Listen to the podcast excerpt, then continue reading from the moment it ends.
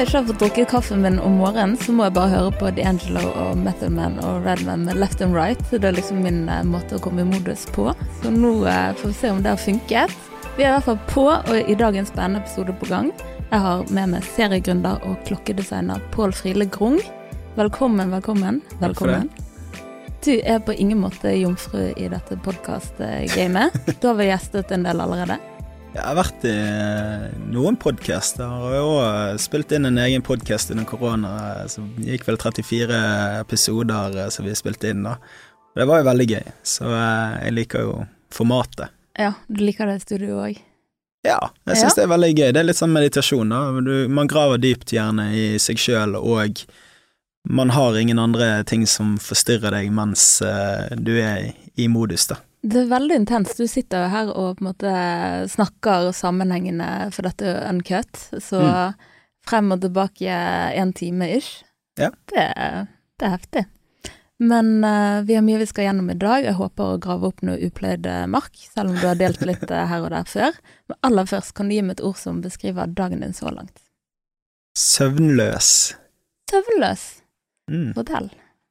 Nei, eh, i går kveld i ellevetiden tok jeg en eh, fem kilometer lang eh, joggetur. Jeg prøver å trene meg opp til å løpe maraton. Jeg skulle egentlig gjort det nå for en uh, ukes tid siden, men uh, så fikk jeg korona, tror jeg, og var ute i ni dager med feber, og hele, all opptreningen var egentlig brutt ned igjen og tilbake til start. Så uh, det er litt sånn som det er å være gründer av og til. at man gjør mye hardt arbeid, og så uh, går det ikke helt, og så må man tilbake til start og begynne å jobbe igjen. Så uh, uh, Og så kommer jeg Jeg vet ikke, jeg tror jeg gleder meg veldig til dette. Mm -hmm. samtidig som jeg har Jeg fikk en mail fra en fotballklubb som det så ut som vi får til en avtale med, da. Og da ble jeg veldig okay. giret og begynte å tenke på en haug med mulige scenarioer, så når jeg sjekket klokken klokken kvart på fire i natt, så uh, da var det litt sånn ok, nå er det på tide du faktisk sovner. ja ja, herlighet, men det er litt sånn som når du har bestemt deg, nå skal jeg sove, det er da du ligger våken. Akkurat. Ai, ai, ai. Men vi setter alltid startstreken i drømmefanger helt tilbake til når man var liten, så nå skal okay. vi tilbake dit, uh, Pål. Så når du var liten, ikke ante noe om veien uh, videre og hva som skulle skje, hva drømte du om da?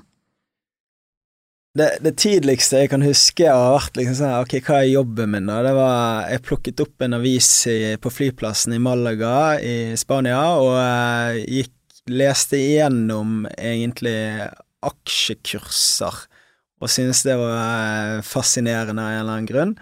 Og uh, ja, hadde fått en fascinasjon i hodet mitt for å bli skipsreder, da. Ja.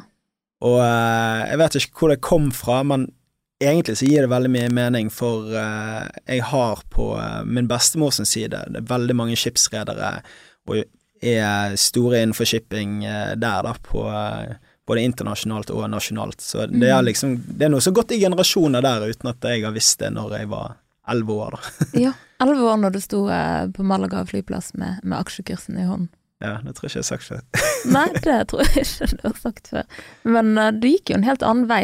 Men egentlig bare året etterpå, som tolvåring, da, da var jo du i gang på Peppes Pizza. Det er jo tidlig å få sin første jobb. Det var veldig Hvorfor tidlig.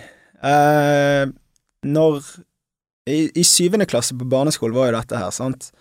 Og uh, vi fikk tre dager hvor vi kunne gjøre hva vi ville, og ja, for min del så visste jeg at jeg er ikke noe musikalsk. Alle kompisene mine skulle uh, spille musikk og uh, var i band, liksom, og gjøre det i tre dager. Så jeg bare sånn, ok, hva kan jeg gjøre nå? Så gikk jeg uh, rundt på dyrebutikken og spurte om jeg kunne jobbe der, og fikk ikke lov til det. Og så gikk jeg på mm. Peppers Pizza, og så fikk jeg lov til å jobbe der i tre dager. Og det syns jeg var dritkult, for det er det der var det mange voksne, Jeg har alltid likt å være rundt folk som er eldre enn meg, og måte, høre på samtaler de har, og mm. Eh, ja, hva, hva, er temaene de snakker om, og det er mye spennende, sant, mye nytt. Mm. Og eh, det endte opp med at jeg søkte jobb. Jeg satt på uh, min, mine foreldre sitt serverrom, og der hadde de en Windows 98. Og da satt jeg og skrev eh, min eh, søknad på eh, soverommet der, og mm. leverte den eh, noen måneder etterpå, da, for det er bare sånn Ok, jeg har lyst til å være med de her folkene her, fordi de, de er helt annerledes enn de jeg ellers er med, sant. De er langt mer modne, og jeg hadde ingen folk som jeg eh, i mitt liv som var liksom i starten av 20-årene og eh, snakket om ja, jeg var jo tolv år, sant. Ja. Hvem som snakker om sex eh, ja lærte til litt. deg som sånn Ja, ja, men sånn du går eh, Du er i eh, syvende klasse, og det begynner Mm. å bli en sånn ting man begynner å utforske, sant, og Mm. alkohol og alle disse tingene. Eh, så da endte jeg opp med å søke jobb, og jeg fikk jobben, da. Mm. Eh, Du ble værende lenge. jeg ble værende veldig lenge. Du Røk oppover i systemet der. Ja, det begynte jo med å bare ja, ta oppvasken og smøre panner og uh, rydde bord og servere pizza og stå i ovnen til å brette esker og blåse ballonger. Til å plutselig uh, så uh, fikk jeg tilbud om å bli daglig leder for en avdeling, og takket nei til den da til slutt. For da hadde jeg mine egne drømmer jeg skulle fange. Ja. Og kan det være Lustbox vi snakker om det? Det stemmer. Det var Lustbox. Har lyst bare for de som ikke vet hva Lustbox er, kan du fortelle hva det er for noe? Ja, Lustbox er jo en mystery box, eller var en mystery box for menn, da. Eh, hvor du får fire forskjellige produkter levert hver måned fra nye merker, da. Så det var liksom en oppdagelsesboks, en liten gave til deg sjøl for 400 kroner i måneden. Mhm. Og eh, da Det var liksom at du skulle få nok verdi til at hvis to av tingene var noe du ville bruke, så eh, hadde du fått eh, tilsvarende det du betalte for. Da. Så gjerne at eh, verdien var 800 til 1200 kroner i hver boks. boks. Eh, og det gjorde vi i tre år, og eh, var utrolig lærerikt. Sant? Fra å ikke kunne noe om nettsider og eh, sosiale medier var en ganske sånn ny ting. Instagram var det ingen som drev business på i Norge, egentlig. Sant? Og Mm. vi bygget jo hele selskapet opp på baksiden av Instagram, og vokste jo 1100 det første året bare på eh, ja, eh, annonsere på Instagram via store eh, globale kontoer. Sant? Så vi hadde kunder i ja, jeg tror langt over 40 land, og eh, om det var jeg synes det kuleste var å få en kunde fra Gibraltar, for det har jeg liksom alltid dratt da jeg var liten. Ja. og så var det sånn Det bor så få mennesker der. Og, Ja, så kult. vi hadde kunder i India, vi hadde kunder i Brasil, Sør-Afrika og eh, Utrolig lærerikt å jobbe med så mange forskjellige merker, og så til slutt så begynte vi å produsere våre egne produkter òg, så vi økte kvaliteten fordi vi hadde ingen mellommenn, da. Mm. Uh, vi økte kvaliteten, men samtidig så hadde vi billigere innkjøpspris, og i tillegg kunne kontrollere mer av eh, supply chain, sant? for Mm. plutselig hvis en leverandør ikke leverte til oss, så var jo det Vi hadde jo månedlig abonnement, sant? så vi måtte Ja, ja. jo levere til våre kunder uansett, og hvis det, vi Ja, å være avhengig av noen andre er jo ofte en veldig vanskelig ting, da. Ja. Uh, Men hva gjorde at du turde å stupe uti det her, og bare satse? Sparepenger gikk jo med, og ja. hva gjorde at, eh, at Lustbox så dagens lys? Jeg visste jo at jeg ville starte mitt eget selskap, så når jeg eh, begynte på BI i, i eh, 2013, eh, da tok jeg ett fag, uh, bare fordi at jeg ville ha noe å gjøre mens jeg sparte opp penger, for jeg skulle studere i New York eh, i første omgang, og da studerte jeg eh, faktisk mote. Mm. Det var ingen intensjon om at jeg skulle gjøre noe eh, i moteverdenen i det hele tatt. Mm. Eh, men jeg endte opp med å få A i mote i New York, og jeg dro der egentlig bare for å feste og oppleve byen og spise god mat og få mange nye impulser, og eh, det var en av de beste beslutningene jeg har gjort, da. Ja. Uh, og det gjorde jo òg min uh, første forretningspartner Anders. Han dro jo året etter meg til New York og gjorde Mm. egentlig akkurat det samme, bare at han ikke hadde mote. Da, da hadde de enda flere fag, Mm. og da tok han et fag som var sånn webutvikling. Ja. Eh, Det var jo Du lærte jo svært lite egentlig i det faget, da, i forhold til hvor komplekst det er å bygge nettside, og i hvert fall var i 2014 å bygge nettside.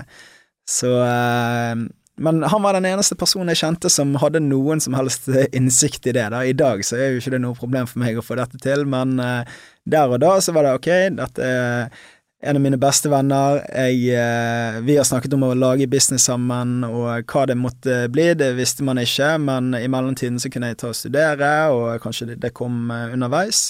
Kanskje jeg lærte noe underveis. Mm. Og eh, et år inn i studiet, så eh, midt i eksamenstiden, sant, så Mm. kom mm. dette Denne tanken, da. Mm. Jeg satt og scrollet gjennom, gjennom Instagram og kom over et amerikansk konsept og bare 'dette her har jeg lyst til å bestille', og så når du ikke får bestille det, da ser du gjerne et problem, sant. Kanskje det er mange andre som er i litt samme situasjon som meg, som liker eh, slips og tørklær og kule sokker, sant, og Mm. har lyst til å ha dette levert månedlig eh, som en liten gave til seg sjøl, og eh, Mm. det viste jo seg at det var ganske mange som ville, da. Eh, så det var jo sånn Lustbox kom i gang, da, at eh, vi bare Vi visste vi ville starte en business, Mm. og dette var noe begge syntes var kult. Ja. Uh, vi så at dette var noe som var etterspørsel for i USA, og det er jo ofte sånn veldig mange konsepter kommer til live, sant, at man ser noe eh, internasjonalt. Nå leste jeg senest i går at Instacart, som er liksom odakolonial.no, sant, de startet et år opp før de i eh, USA, og de skal på børs nå med oljefondet som investor. Sant. Mm. Så de har jo mest sannsynlig tatt inspirasjon ut ifra det. Og når jeg var i Kina, eller Hongkong første gang, så ser jo jeg akkurat samme konsept som Cutters, bare at de klipper deg på ti minutter, sant. Og Mm. eh, kanskje vi i Vesten eh, har litt eh, mer vanskelig hår å klippe enn eh, veldig rett eh, kinesisk eh, og japansk og hår, da. Mm. Så, så da De har jo tatt inspirasjon fra det når de starter cutter, sant. Mm. Og, så det er jo Det handler vel om å sånn tette hull i markedet, på en måte. Ja, det er jo å finne noe som gjerne fungerer fra før av, og ta det til sitt eget marked og tweake det til Mm. noe som passer det markedet, da. Ja. Sant? At uh, vi er jo alle forskjellige i form av kulturer sant? og uh, forventninger til ting, og da, da må man Sånn som når vi hadde Lustbox, så var jo det at vi var ikke så giret på sample, sant. Vi, vi er mer premium, eh, opptatt av premiumprodukter her i Skandinavia, mens i USA så er det oh, samples og masse De er mye mer forbrukere enn det vi er, da. Mm. Eh, så eh, for vår del, så istedenfor at vi hadde fem-seks produkter som konkurrenten vår hadde, og de solgte det for 28 dollar, vi solgte for 40 dollar, så tok vi fire kvalitetsprodukter som vi virkelig kunne stå inne for, da, Mm. eh, og puttet det i boksen vår, og det var det som skilte oss ut, eh, og gjorde at vi hadde veldig mange kunder i USA, egentlig, i tillegg, eh, til tross for at vi hadde stor konkurranse der borte. Mm. Og dette var en månedlig greie, så jeg er veldig nysgjerrig på altså, innkjø altså innkjøpsbiten. Eh, for da skal man fornye seg måned etter måned. Det er jo et hav av merkevarer å ta av, men det koster jo penger det her. Hvordan gjorde du det? Ja, det, det, det var jo utrolig lærerikt å gjøre dette. her. For det første så eh, er jo det minste volumet man må bestille inn, er jo 100 enheter hos de fleste aktører. sant? Mm. Og eh, vi solgte 32 bokser første måneden. Eh, Så plutselig sant, så eh, sitter du igjen med ganske mye produkter på lager, og eh, av disse Vi hadde to forskjellige konsepter første måned. Den ene var en klassisk boks som var litt mer eh, fancy, og så var vi en litt mer casual. Da hadde vi en beanie oppi, og da hadde vi fått til en avtale med These Glory Days, som er et husker. Warner-merke eid av Volt. Så da, da gikk vi og plukket fra alle mulige butikker rundt omkring i byen. Eh, vi hadde fått lov å kjøpe disse luene for eh, 50 kroner stykket, og eh, puttet de da inn i boksen vår. Men vi solgte jo bare tre av disse boksene, så vi hadde jo sånn 50 luer. Så de satt- lager. ja, ja, sant. Så, eh, men de var jævlig kule, de luene, egentlig. Ja, og så eh, eh, hadde vi eh, litt forskjellige andre produkter, men da måtte vi uh, omstille oss litt. da. Vi hadde bestilt noen sokker som kom inn for uh, vi, vi lanserte i januar 2015, da, vel å merke. Mm. Så eh, eh, når vi da kom til måned to, så hadde vi liksom bestilt inn noe produkter, men vi hadde ikke noe cashflow til å egentlig bestille inn mer, så vi måtte liksom Ok, vi har bare tre stykker som har bestilt av denne boksen, eh, og to av de kjenner jo vi, det er jo familie av meg og Anders, så det er én random eh, fyr. Kanskje vi skal droppe den casual-boksen, og så tar vi de litt classy elementene herfra, og sørger for at ingen får noe de har fått før, liksom, Mm. uh, og lager en boks ut av det, og så solgte jo den sånn 40 bokser den eh, Ja, da hadde vi plutselig 40 bokser i februar. Mm. Og det skapte nok likviditet at vi klarte å betale for produkter i mars, og da solgte vi 45, og så fortsatte det vi liksom bare akkurat råd til å betale liksom for neste. eh, neste måned, sant. Oi, oi. Og, ehm, og så fikk jeg feriepenger, og da tok jeg alle de feriepengene og uh, sa ok, nå må vi, nå må vi ta, satse litt her, vi må differensiere oss litt. Ja. Da eh, tok vi kontakt med et av de hotteste merkene som var på Instagram, da, for det var veldig mange merker som poppet opp uh, ut av Instagram. Danny Wellington var et av de, og Movement Watches, og Grand Frank eh, var jo da dette merket, et svensk merke, og de Mm. hadde sånn 350 000 følgere på Instagram, eh, og hele eh, fashion influencer-verden for menn, de eh, brukte dette her eh, merket, da. Og det var Hva lagde de? Eh, nei, de lagde skjorter, de lagde tørklær, slips, eh, lapellpinner, eh, Ja. klokker Litt sånn dapper-stil? Ja, veldig Ja. dapper-stil, og det var jo det som var egentlig trenden akkurat der og da. Ja. Eh, Det er det jeg forbinder med Lustbox, egentlig. Litt den dapper-stilen. Ja, Lomme, fine lommetørklær og ja. Og Dapper var jo et av navnene vi så på, liksom, sant? men det var noe som het Dapperbox i USA. Sant? Så bare Ja. sånn, ok, hva kan vi ha? Og så var Lustbox eh, for vår del. Sant? Du har lyst på det, men når du kommer til Tyskland, så blir det veldig sånn eh, sensuelt, da. Ja, Eh, jeg forbinder det egentlig litt med det òg. Ja, Ja. så vi hadde jo eh, et problem der, eh, litt eh, Så vi fikk liksom sånn fra enkelte tyske kunder som sa at eh, de måtte jo nesten gjemme seg når de fikk denne boksen. Så hadde det fra på seg. Ja, ja, sånn, du bestiller kondomeriet rett i eh, postkassen, så må du ta den liksom ut foran naboene. så diskré så eh, det var eh, veldig lite eh, ting fra kondomeriet oppi der, gjerne. Mm. Uh, Ja. Men du gjorde jo dette med, med en god venn, og det jeg lurer på da er um, når du på en måte skal jobbe tett sammen med et vennskap som allerede er godt etablert.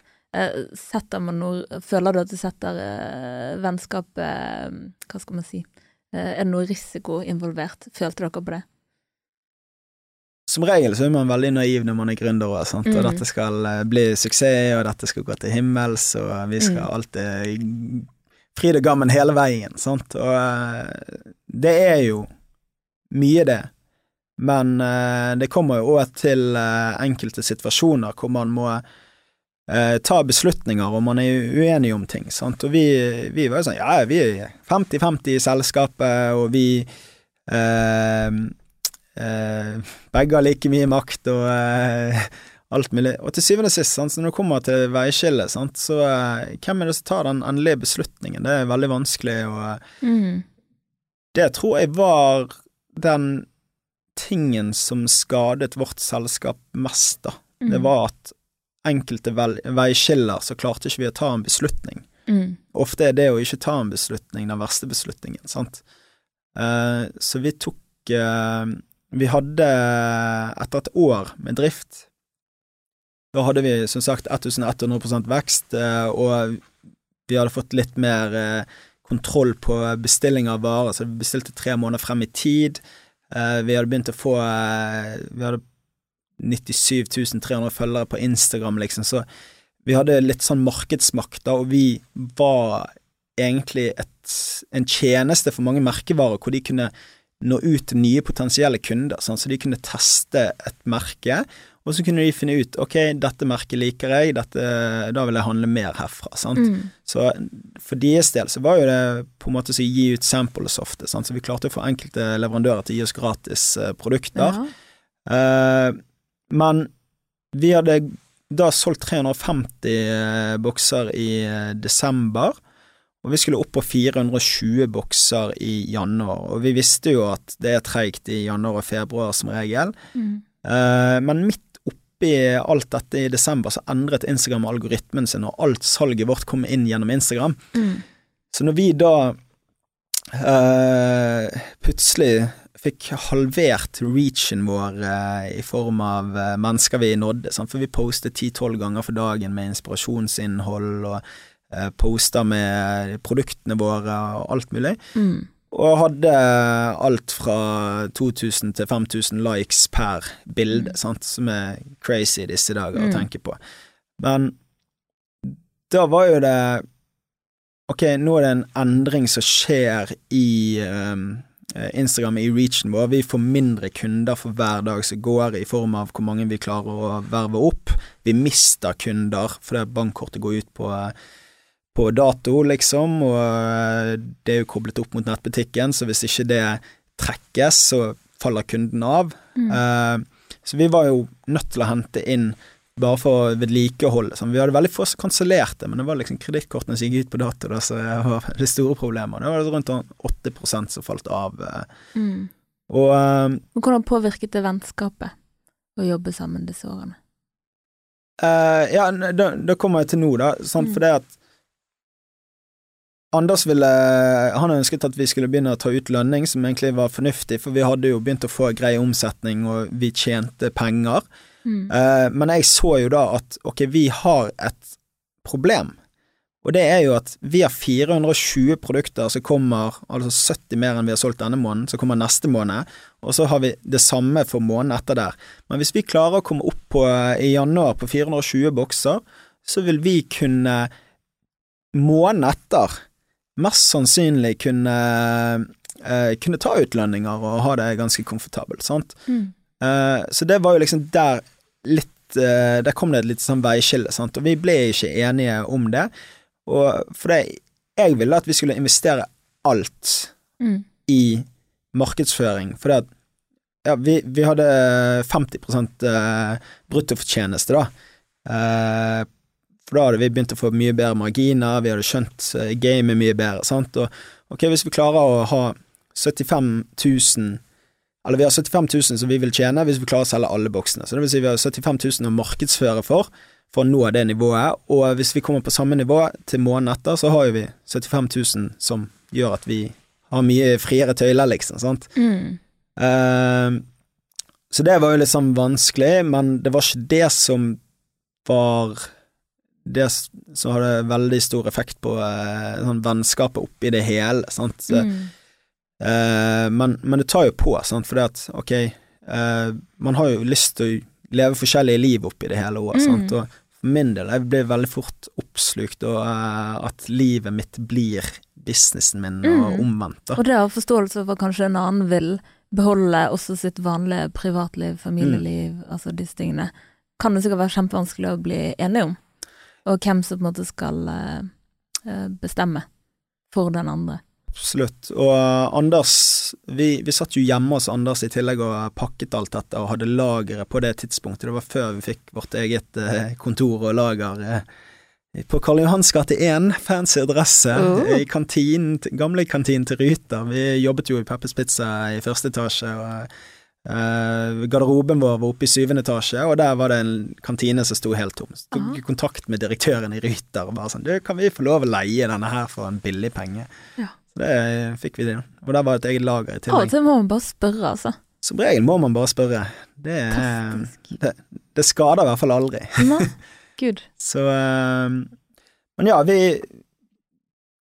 Det er veldig stor påskjønning uh, hvis man eh, Ja, når man ikke klarer å ta beslutningene, liksom, på et vennskap. Det var, mm. det var faktisk en måneds tid der hvor vi ikke snakket noe særlig med hverandre, eh, fordi at det var midt i når vi skulle selge Lustbox, da, ja. og blitt enige om å selge det, fordi at vi ville gå hver vår vei, og det var vi begge enige om, så det var ikke noe problem, men eh, da, da, var det veldig tungt, liksom, å uh, skulle være liksom, en av sine beste venner, og så påførte selskapet en ekstra påkjenning på uh, vennskapet, og vi har jo alle, alle, vi var med, var jo felles venner, sant. Ja. Uh, vi bodde i Oslo begge to da, og uh, Så alle vi var med, var mm. liksom begge sine gode venner og bestevenner, sant. Mm. Så, den er tøff.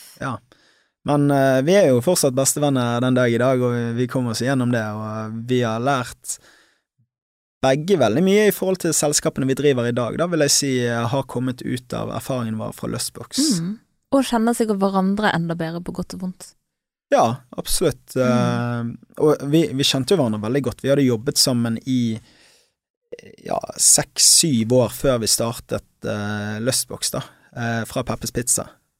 Så eh, vi, vi kjente veldig til hverandres sterke og svake sider jobbmessig. Sant? Ok, Mm. hvor er det stress? Hva er det som påfører stress på den andre personen? Sant? Og Mm. eh, hva, hvordan gjør den ene personen feil ofte? Det, hvilke ting er det som gjør at den gjør feil, og hvilke Mm. ting er det som gjør at jeg gjør feil? Sant? Mm. Det jeg lurer på nå, er jo egentlig når du sto på enden av den reisen med Lustbox, fristet det da å gå i gang og gjøre det hele igjen? Eh, For Ja. det har du jo gjort, men jeg er veldig spent på hva du, hva du har liksom resonnert eh, i de, den perioden der. Ja, vi bestemte oss for å selge selskapet, og det er jo noe som ofte tar lang tid. Eh, og vi ønsket jo å finne en kjøper som ville fortsette å gjøre dette, ikke bare noen som ville kjøpe det. For dette var jo babyen vår, det var jo begge gjennom. Det var jo vår første baby, sant. Mm. Eh, så det handlet ikke så mye om pengene og hvor mye penger vi kunne tjene på det, men mer at vi hadde noen som kunne la det leve videre, da. Eh, så det tok jo litt over et år å eh, finne kjøper, og i mellomtiden så hadde jeg eh, funnet ut at jeg ville starte med klokker. Og det startet jo med at jeg, hadde, Vi hadde jo jobbet med veldig mange, eller flere klokkeselskaper, mye med Denny Wellington, og fått masse klokker, og jeg hadde sett liksom sånn ting som irriterte meg i forhold til eh, klokkene, da, sånn at du får riper i glasset, og at uh, reimen ikke holder, at eh, batterilevetiden eh, ikke er optimal, sant, for vi hadde jo gitt dette vekk til venner og eh, familie og kunder, sant, og Mm. eh, veldig fine klokker, men det var ting som kunne forbedres der, og eh, jeg hadde jo lært hele egentlig verdikjeden fra Lustbox på hvordan jeg skulle lage egne produkter, sant, og Mm. Innså kanskje ikke at klokker er så komplekst uh, som det er, og det er så mange deler og ting som kan gå feil og alt mulig, men uh, Mm. Ja, det er litt av et maskineri.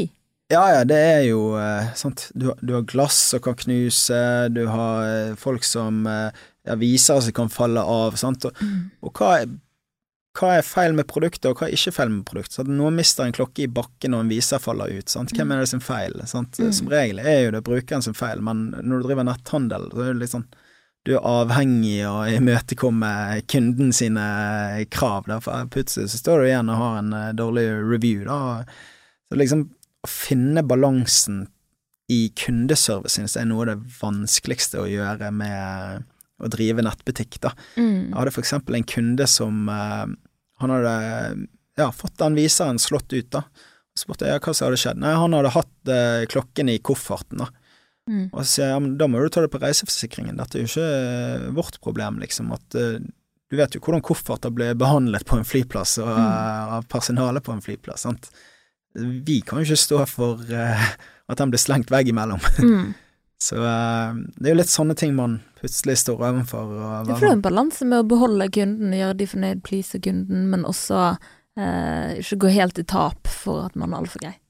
Ja, det er jo det jeg sliter mest med, egentlig, er jo hvor er balansen, sant. Mm. Hvor setter man streken? Um, men ja, å hoppe inn i Berg eh, og starte med det, det var jo eh, Jeg fikk en melding klokken elleve på kvelden av eh, Lasse Smedsvik som hadde gjort kjempesuksess med Radans matkasse, og nå var med i Cutters-eventyret, sant. Og bare sånn, ja, han hadde lest en artikkel i Kapital og ville satse alle pengene sine på eh, Eller sparepengene sine på at jeg skulle begynne med klokka, for det er jo eh, lukrativt hvis man virkelig får det til, sånn som Danny Wallington har gjort, sant. Mm. Og eh, Han har skikkelig troen på det, han da. Ja, det Tror jeg ikke tror mange som ofrer sparepengene sine på. Ja, nei, det, det var nok ikke alle sparepengene egentlig, men det var sånn det var formulert. Men eh, eh, Og så hadde jeg sagt til mine kollegaer i Peppes, da hadde jeg vært ni måneder i Peppes i Oslo, at jeg, jeg slutter den dagen mitt eh, Nei, lommeboken på forkleet mitt ryker, så slutter jeg. Og eh, morgenen etter så røk eh, den eh, det, den lommeboken, da. Og da dro jeg eh, klokken ti om morgenen eh, opp på kontoret til daglig leder, og så sa jeg jeg sier opp. Jeg, eh, jeg skal gjøre dette her, og eh, jeg skal gjøre det 100 Jeg skal ikke ha noe sidegig denne gangen. eh, Jeg var ferdig med studiene, jeg hadde liksom en kvartlivskrise som er en ny greie, liksom. Sant? Når du Mm. går fra å være student til å skulle inn i de voksnes rekker, og eh, hvordan er det man som Ja, det, det er en ganske stor gap fra å egentlig jobbe gjerne i serviceindustrien som man gjør mens man er student og ung, da, til å eh, ofte skulle gjøre en eh, mer kontorarbeid-type jobb, da. Eh, og man får en liten identitetskrise, vil jeg tro, da. Mm. Du gikk opp på tak? Takterrasse? Ja. Ja. Eh, vi hadde jo kontor eh, øverst på eh, Karl Johans gate 1, og der var det et vindu som vi kunne hoppe ut av og sette oss på taket, og det var jo veldig populært. Eh, Det var bra du sa 'sett oss på taket', nå fikk jeg helt vondt i magen. ja, det var ikke så, så livskrise. Ja. Så eh, nei, da eh, Og da var jeg liksom akkurat ferdig levert eh, bacheloren på BI, og vi hadde funnet ut ok, vi, vi skal selge Lustbox. Jeg er ferdig mentalt i Peppers, Hva faen skal jeg gjøre nå, liksom? Sant? Så sto jeg liksom bare på taket der og eh, ja, gren litt for meg sjøl, egentlig. Bare sånn ok, hvem faen er jeg, liksom? Sant? Mm. Eh, nå har jeg brukt over halvparten av livet mitt i Peppers Pizza. Mm. Eh, jeg kan det inn og ut, men det er jo ikke her jeg skal være resten av livet. Men Lustbox er heller ikke der jeg skal være resten av livet. Jeg er ferdig som student. Hvor, hvor skal jeg nå? Og det er jo ofte det å mangle en retning er jo noe av det verste i livet, mener jeg, da. Mm. At uh, hvis du ikke vet hvor du skal, så, eh, så har du veldig lite mening eh, med å, å stå opp om morgenen og noe som Mm. driver deg, sant. Og da da var det veldig greit å ta, og enkelt å ta den beslutningen om å starte med klokka, egentlig, sant, for det, at det var noe jeg ville gjøre, det var Du sier det så lett, men ok, si eh, Jeg tror jeg kan ta nesten de fleste jeg kjenner, hvis de var i samme situasjon. Så, eh, så helt med på det du sier med at man, man sitter der og mangler retning. Mangler hvert der sjøl. Du ser jo ikke grunn til å stå opp om, om morgenen. Men, men det, det å kastes ut i en eller annen eh, nisjebusiness og starte sitt eget selskap er kanskje det siste jeg tenkte på. For den risikotankegangen kommer ikke naturlig for veldig mange av oss. Eh, nå gjør han det litt mer for min del, men da, da har jeg rett og slett gått eh, til en coach som har hjulpet meg masse med, med det å tørre å ta litt større sjanser og på en måte gå litt for det man egentlig skjønner at man er ment for å gjøre. Så, så det at du sier det, det, det sier litt om det, da. Så du har tydeligvis en veldig sånn risikovillig personlighet. Ja, ja, jeg, jeg elsker jo egentlig risiko. uh, men Men er du jeg- med? Skjønner du hva jeg tenker? At, Ja. at det er ikke et naturlig neste steg for de fleste, men du sa det så lett, liksom. Ja, ja. Da, da begynner man jo bare med klokker. Men du må nå ha tenkt noe annet inni der, har ikke det? Um, Eller var det en spontan avgjørelse? før, før Berg, da, så satt vi eh, Da var vi eh, Vi hadde samlet fem stykker, eh, så vi ønsket å lage klesmerke med. Mm. Og dette er veldig få som vet, da. Eh, Men, og det konseptualiserte vi, det var dritkult. Det skulle hete Ross Islands. eh, Det var en eh, i Antarktis, var det en øy som het Ross Island. Den nordligste øyen på Svalbard, den heter Rossøya. Og der er det spottet en isbjørn, og logoen skulle være en isbjørn, og vi skulle ha en isbjørn som maske for denne, som skulle være liksom eh, karakteren utad og bygge en hel merkevare rundt eh, dette her. Og så var det i Det indiske hav, så var det òg eh, Ross Island, da. Mm. Så vi hadde liksom sommertema der i forhold til badeshortskolleksjoner og skjorter og alt mulig, og så skulle vi ha eh, vinterkolleksjonen i form av eh, eh, oppe på Svalbard og eh, Antarktis og disse tingene, da. Mm. Så, eh, og da hadde vi sånn, ok, emballasje er noe vi har skjønt er dritviktig. Inni emballasjen så skulle vi bygge et eh, dambrett, sånn at du kunne bare, egentlig, når du har fått eh, Skjorten kommer i en eh, Gjerne i en eh, pappeske, sant, og da kan du fortsatt bruke den, og den skal være såpass kul at du vil ta vare på den, da, og ha den hjemme. Eh, så det var litt sånne ting eh, Ok, hva, alt vi syntes var kult, da, og Mm. eh, tatt det inn i det. Men så kom jo livet, da, og dette var jo Alle var jo nettopp ferdige å studere. Eh, og vi Ja, alle har gjerne ikke samme drive til å gjøre noe, sant, og da, Mm. da faller det gjerne litt ut til slutt. Og det, Mm. det gjorde det konseptet, men det var liksom noe som skapte ofte mye spenning, og eh, ofte er det det å sette seg ned og drømme med andre og eh, Mm. kaste ut baller, konseptualisere ting, og Ja. kanskje ikke det blir tingen, men det leder kanskje til det neste, da. Ja, og der føler jeg veldig mange er med. Altså De sitter og brainstormer, og man kaster ut drømmer og ideer, men så er det der steget å faktisk gjøre det der jeg føler veldig mange hopper av, da. Men ehm, det går jo også på det her med økonomisk sikkerhet og det behovet folk har for det, så du har jo virket veldig villig til å på en måte ja ja, kaste noen sparepenger der, og så setter vi noen sparepenger der, og så eh, har du på en måte vært redd for ja, men tenk hvis dette ikke lykkes.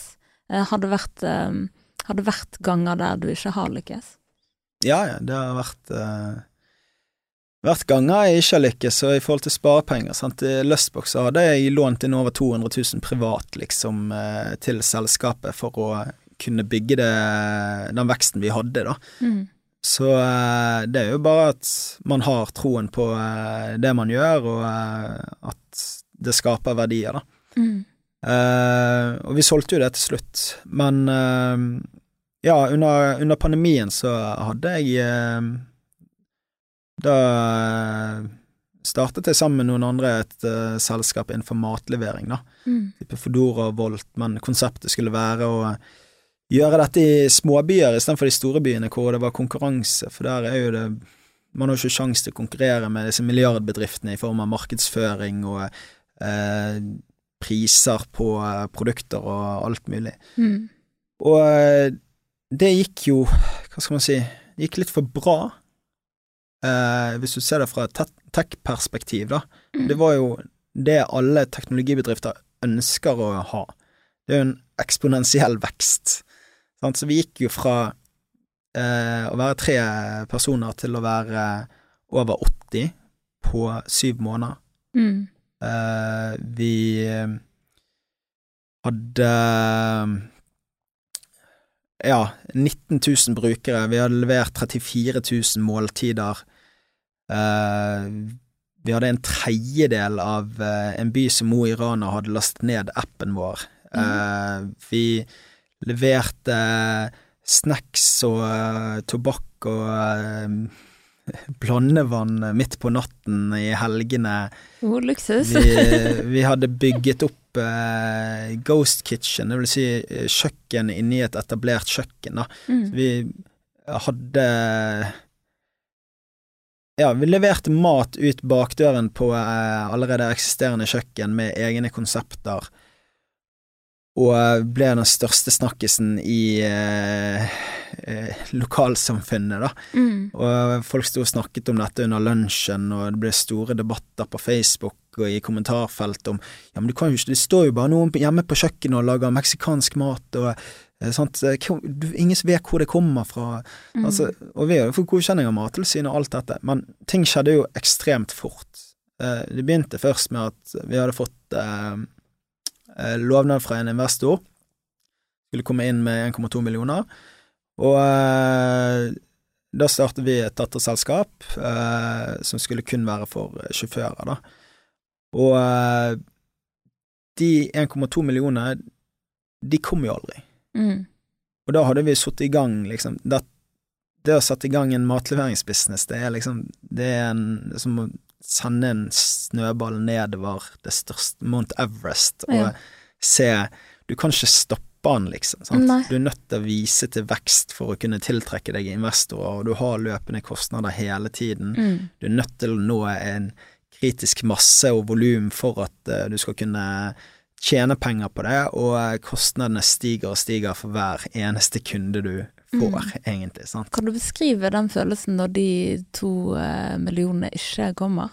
Ja, det var 1,2 millioner, men ja, 1,2, ja. eh, Det var jo flere situasjoner. Eh, For det første, så Første gangen lønningen skulle betales ut Eller, han lånte inn penger til å betale da første eh, lønninger, men det var jo bare 25 000, sant. Mm. Og så kommer neste lønning, og da er det plutselig For det var jo bare én sjåfør, og nå eh, er det plutselig flere sjåfører, og da er den på 60 og noe tusen.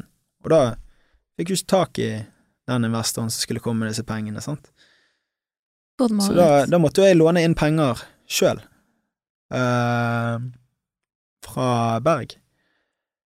Og uh, dette var jo penger jeg egentlig ikke hadde tilgjengelig.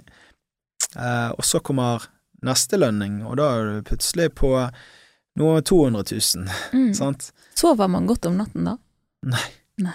Altså, det var helt forferdelig dårlig. Hvordan var Eh, den perioden? Ekstremt uh, Bare mer og mer stress, mer og mer angst, mer uh, du, du vet ikke om du klarer å eh, betale lønningen eh, for neste måned, og eh, man setter seg ned, man gjør styremøter og bare ok, gjør alt klart til å måtte melde oppbud fordi at ok, dette her er- fungerer ikke lenger, og så plutselig så får man til en avtale, og der kommer det inn nok til å betale den lønningen, sant, og så står Mm. man og venter, for han investoren sier jo fortsatt at han skal komme med pengene, sant. Mm. Og bare sånn, ok, uh, ja, nå har vi fått betalt lønningen for måned tre. Mm. Da må vi dra opp, møte denne investoren, sette oss ned og få dette på plass, for det, det går ikke an. Nå er vi liksom plutselig i fire byer. Ikke det at vi har skrudd på knappen for skikkelig eh, vekst ennå, men den ene Det som gjorde at vi fikk betalt lønningen tredje måned, det var jo en avtale som gjorde at vi skulle Vi tok 50% eierskap i en meksikansk restaurant, og skulle vi ta denne inn i de andre byene vi var i, Mm. i form av eh, et virtuelt kjøkken, Ghost Kitchen, da. Og det gjorde vi, og det gikk jo fra at vi hadde én til to ansatte på jobb i Mo i Rana, til at vi plutselig hadde ti-elleve stykker på jobb Mm. hver dag, sant. Eh, det var jo crazy voksesmerter. Vi hadde, før vi åpnet, så hadde vi forhåndsutsolgt all maten hver dag i tre uker. Eh, appen vår eksploderte i nedlastinger. Sant? Vi tok et produkt til et marked som sultet etter det vi tilbydde, da. Mm. Og eh, eh, Ja, og mens vi da er oppe i Mo i Rana, så får vi en annen investor som eh, vi setter oss ned med, da, som er en av de rikeste i eh, lokalsamfunnet der, og vil eh, investere i dette her. Og vi sier i første møte ok, eh, vi, må, vi har én til to måneder runway, liksom, sant? altså levetid igjen på dette selskapet. Vi må ha inn kapital for å vokse videre, hvis ikke så er det dødt. Sant? Og, eh, så vi må vite om dette er noe dere er seriøse om og er interessert i å være med på, eller om eh, vi skal se andre steder. Eh, sånn så sier de når vi går ut til det møtet, hvis ikke det er oss, så er noen i vårt nettverk, for dette her er veldig spennende. Sånn, Vi skapte utrolig mange jobber for mange unge i et samfunn hvor du vanligvis ikke får arbeid som ung. Mm. Du må jo ha ført mye ansvar for de, òg, å betale lønninger og Ja, utrolig mye ansvar, sant. Mm. Det er gjerne de svakeste i samfunnet som jobber eh, innenfor matlevering, sant. Og mm. ble jo kjent med, i hvert fall i eh, Mo i Rana, hvor jeg var i tre måneder, med alle disse sjåførene, veldig godt kjent, sant. Mm. Og eh, snakker jo fortsatt med mange av de i dag, liksom, og ringer Mm. meg når de lurer på noe, og eh, sender meg eh, snapper og eh, ja, har Mm. veldig god, god relasjon med de. Men når du vokser så fort Vi hadde jo eh, Annenhver dag så hadde vi en ny ansatt, Mm. og jeg kunne ikke være i fire byer samtidig. Jeg kunne ikke bli kjent med alle, og vi var midt i å etablere et konsept i Mo i Rana som vi skulle endre hele forretningsmodellen vår til, da. Mm. Eh, og det var jo eh, at vi skulle ha fem konsepter i én restaurant, i ett kjøkken. Og så skulle vi utad ha ett konsept hvor du kunne få bestilt pizza, eh, taco, sushi, eh, hamburgere og eh, kebab, liksom, sant, og velge mellom alle de tingene. Vanligvis, dette er jo sånn Egon, Ja. typ, sant. ja, for vanligvis må du velge å bestille fra en av de. Ja, sant, og Mm. Men det var jo forskjellige konsepter på baksiden i appen, så var det ut eh, bakveien, så var det Alle hadde forskjellige merkevarenavn, og eh, vi hadde jo nok data, informasjon om hva var det kundene faktisk ville kjøpe. Vi ser jo, ok, det er fem typer sushiretter som er de fleste rettene som går. Det er tre kebaber, det er tre meksikanske, det er tre hamburgere, det er fem pizzaer, sant. Så istedenfor å Hvis du ser på en kebabrestaurant, så har de 43 forskjellige pizzaer på menyen. Når du kommer inn der, så står det «Øh, hvor- hva skal begynne, liksom. sant? Du Mm. leser jo et leksikon når du går inn der. Vi vet at dette er de produktene som selger. Vi kunne jo da ta dette her og skalere det inn i alle byene hvor vi opererte i, og gå vekk fra å levere mat for andre restauranter. Eh, For vi ville da vite, ok, hvis vi kan levere kvalitetsmat, vi har kun produkter som vi vet selger, vi har eh, ansatte som eh, For jeg har jobbet i Peppers Pizza i 13 år, og jeg har jobbet 12 år på en avdeling med matlevering. Så jeg kan det inn og ut. Hvordan man utnytter de ressursene til å Når de er dødt på kjøring, så kan de jobbe i oppvasken eh, på restauranten, de kan eh, pakke emballasje, de kan bidra på andre måter. Sant? Mm. Så optimalisere i form av det, og det var jo et konsept som faktisk eh, ville vært veldig lønnsomt. Ja. Men vi hadde jo løpende kostnader. Ja. Vi var jo nødt til å få på plass disse investorpengene for å kunne gjøre den endringen. Eh, skape en proof of concept på at dette faktisk fungerer, Mm. Og så uh, ta det inn i flere byer, da. Mm. Hvordan hørtes den eh, indre dialogen din ut eh, på denne tiden her? Nei, den var jo veldig dårlig. Jeg, jeg har jo slitt med å spise følelsene mine, kan jeg heller si det. Mm. Veldig mye dop meg sjøl ned på sukker og uh, usunn mat. Uh, og gjerne må man drikker man mer alkohol enn man burde gjøre for å eh, håndtere stresset, da. Og mm. Så det Jeg gikk jo Jeg har aldri veid så mye i mitt liv. Jeg var eh, på det meste når alt var over og hele pakken, og så sjekker jeg liksom bare sånn Jeg er 102,3 kilo, liksom. Mm. Og i dag så er jeg 23 kilo lettere enn det, liksom. Mm. Lettere i hodet òg. Ganske mye lettere i hodet. Ja. Eh, og det er jo en For det første, sant, jeg var jo 29 år når eh, dette skjedde, og um, fortsatt ganske ung. Men jeg hadde jo folk som Det var jeg som sto på eh, alt ansvaret, liksom. Sant? Mm. Men det var jo folk som dro eh, meg i retninger som var nesten dobbelt så gammel som meg, sant. Mm. Og eh, man stoler jo på at de kan mer enn deg. Ja, klart. Så eh, Jeg tenker også på at dette er jo noe som jeg vil bare forvente at media plukker opp på. Det Ja. må ha vært en del eh, medietrykk. Ja, media er jo veldig kjekt når det går bra. Og eh, du får mye oppmerksomhet eh, og nedlastinger på appen og interesse rundt produktet ditt.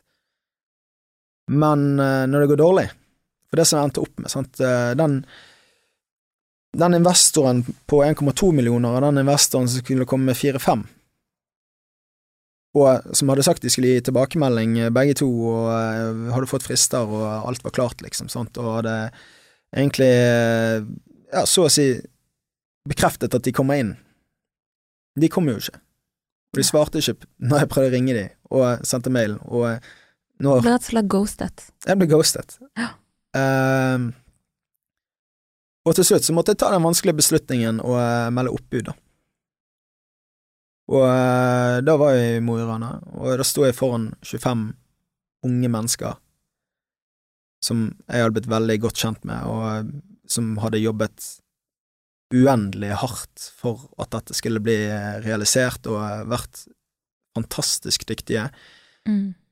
og måtte forklare de at i morgen så er det ikke en jobb lenger Ja. å komme tilbake til. Hvordan var det å stå der? Nei, det er kanskje det verste jeg har gjort eh, i mitt liv, da, å stå eh, Det er sikkert ubehagelig å snakke om, men jeg tror det kan hjelpe for andre å høre, for dette er jo vanlig. Mye vanligere enn man skulle tro. Men jeg føler at eh, det er gjerne disse suksesshistoriene man hører mest om. mm. Um, Nei, det Det er jo liksom På eh, Den beste ansatte vi hadde, da, eh, hadde jo ikke hatt jobb på mange, mange år, og hadde vært på Nav. Eh, var den første ansatte vi hadde på, eh, i Mo i Rana. mm. Eh, og vokste jo utrolig mye på den rollen. Ja. Og eh, fikk ansvar for hele byen, liksom, ansvar for alt av sjåfører, vaktlister, at folk gjør det de skal, at de er på jobb, og Mm. kjøringer imellom, sant, og eh, logistikk. Mm. Vokste utrolig mye på det, og Ja. eh, Det var hardt å se den personen i øynene og si at nå er det over. Nei, den personen, sant, den var den som var mest oppdatert på det, da. Eh, vi, det var, vi måtte ta med mellomlederne okay, hva, hva som skjer, sant. Det er kontinuerlig, og de visste jo om det, men Mm. det er jo det å se at man har klart å eh, hjelpe noen inn i arbeidslivet, og så plutselig ender de opp utenfor igjen, sant, og eh, mestring er jo noe av det viktigste du kan gi en person, liksom, eh, å ha For når du mister selvtillit, så er det lett å bare holde seg utenfor samfunnet, sant, og Mm. for min del så mistet jeg hele min identitet oppi dette her, da. da Mm. På hvilke måter vil du si at du gjorde det? Nei, jeg har jo knyttet opp meg til liksom Pål bygger eh, businesser og eh, skal være suksessfull og eh, Og det skal gå bra? lykkes. Ja, og så eh, eh, kommer jo Ja, plutselig står du der, da, og eh, alle sparepengene dine er vekke. Du skylder Du har lånt masse penger Mm. privat. Du har uh, Selskapet ditt har gått uh, Eller du har meldt deg konkurs sjøl. Mm. Uh, du får dødstrusler av eh, ansatte som Mm. ikke gjerne Eller som sliter med å betale en regning eller to. Eh, Oi, oi. du eh, Hver gang telefonen ringer, så er det enten en journalist eller en eh, trusselmelding eller noen som skal skrike til deg. Mm. Um, du, har, du har ingen grunn til å stå opp om morgenen, for plutselig så har du ikke den retningen lenger, sant? Ja. Um, du uh, Det er ingenting positivt som skjer. Nei. Dette var jo i om sommeren, og uh, da kommer jo disse medietingene, sant, og eh, vi hadde jo snudd opp ned på eh, et lokalsamfunn, eh, og eh, tilbudt en haug med tjenester og produkter som de aldri har hatt tidligere, Mm. sant. Eh, så det var jo naturlig at de ville For det første er det sommer, det skjer veldig lite, så vi var jo sommerens happening i form av eh, nyheter. Men hver eneste dag, nesten, så var det Det er helt greit. Jeg stilte opp eh, i avisen etter, eh, dagen etter jeg hadde meldt eh, stått foran de ansatte og meldt ifra, og eh, tok det jeg følte var en ærlig prat med avisen. Eh, men så Og tenkte ok, nå har jeg lagt kortene på bordet, her er situasjonen, eh, utrolig kjedelig, men det bare fortsatte, og det stoppet ikke. Så jeg, jeg var på guttetur sånn en, en måned etterpå da, med kompisene mine. Sant? Det var jo ikke råd til å kjøpe drikke engang for, å- Mm. for å gå ut på uh, hyttetur. Sant? Ja. Og da, da skrudde jeg av telefonen min for mesteparten av den turen. Sant?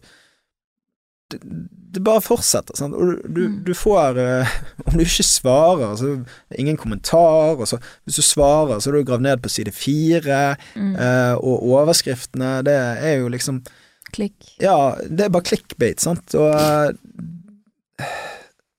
Det var en ekstremt stor mental påkjenning, da. Mm. Um, og gikk utover min mentale og fysiske helse. Jeg, jeg klarte ikke å gjøre noe i fire ja, fire første måneder, så klarte jeg kanskje å gjøre én time produktivt arbeid. Mm. Men den timen gikk jo egentlig bare til å jobbe med å få gjort det som en bostyrer skal ha. Sant? De skal ha kontrakter, de skal ha sånn, de har spørsmål om det. Mm. Og eh, Så det var det sånn, ok, det er ingenting positivt i livet mitt. Mm. Hva Hvilken grunn har jeg til å stå opp om morgenen? Ja. Jeg, jeg har tapt alt. Jeg måtte flytte hjem til mine foreldre. Jeg bor der fortsatt to år senere. Mm. Jeg, jeg, Jeg eh, ja, har fått en haug med kostnader utenom som jeg må betale, og eh, nå ja, fortsatt jobber med å rense opp i. Ja. Så Du er tøff. det Men da kommer du til et tidspunkt, sånn en måned en, nei, To måneder inn, da. Og jeg bare Ok, nå har det gått for langt. Da så jeg meg sjøl på vektskålen og bare sånn Ok, det, dette er jo krise. Du har aldri veid så mye i hele ditt liv. Livet ditt er et helvete. Hvorfor uh, Hva kan du gjøre noe med? Du kan ikke gjøre noe med med, alle, med avisene og hva de vil skrive, liksom. Sant? Det er utrolig Ja. Endte opp med bare sånn, ok, nå Du må redefinere deg sjøl. Designe deg sjøl på nytt igjen. Mm. Hva Hvem er du? Hva skal du være? Hva Så det er bare sånn, ok, jeg måtte si til meg sjøl Jeg Pål Jeg måtte si til meg selv i tredjeperson. Pål spiser ikke snop. For det var noe jeg måtte ha hver dag bare for å ha litt energi til å gjøre noe. Mm. Pål drikker ikke brus. Uh, Pål spiser sunt. Pål gjør sånn. Pål trener. Pål Mm. gjør Og da endret jeg Da begynte det å At jeg endret mitt handlingsmønster overfor meg sjøl. Så jeg begynte å Mm. fokusere på min egen helse, fysisk helse. Og mental helse henger jo ofte sammen med å spise riktig òg, da. Mm. Det er noe sånn Eh, så gikk jeg òg 50 dager uten alkohol, da. eh, og gikk, begynte med å gå turer, og så begynte jeg på treningssenter, og eh, ja, gikk, gikk ned eh, ti kilo på eh, noen måneder, og så stagnerte det, eller plutselig så stopper det helt opp, og, eh, og så begynner det sånn Det er jo da man ofte faller av, sant. Bare Men jeg ser jo kroppen min endrer seg, sant, selv om vekten er Du kan jo bygge mer muskler, sant. Og, mm. så det ble jo liksom De neste åtte månedene etter jeg hadde meldt opp, så gjorde jo jeg ingenting som skapte verdi, sånn i form av kroner og øre, og eh, um, Men jeg skapte veldig mye verdi for meg sjøl, da. Ja, du måtte investere og bygge deg sjøl opp igjen. Ja. Jeg måtte Jeg måtte redefinere meg sjøl, hva mine verdier er, hva jeg ønsker at livet mitt skal være, Mm. hvordan skrive ned ettårsmål, treårsmål, femårsmål, tiårsmål, skrive dagbok. Mm. Um, Hadde du noen utenfor som hjalp deg med dette?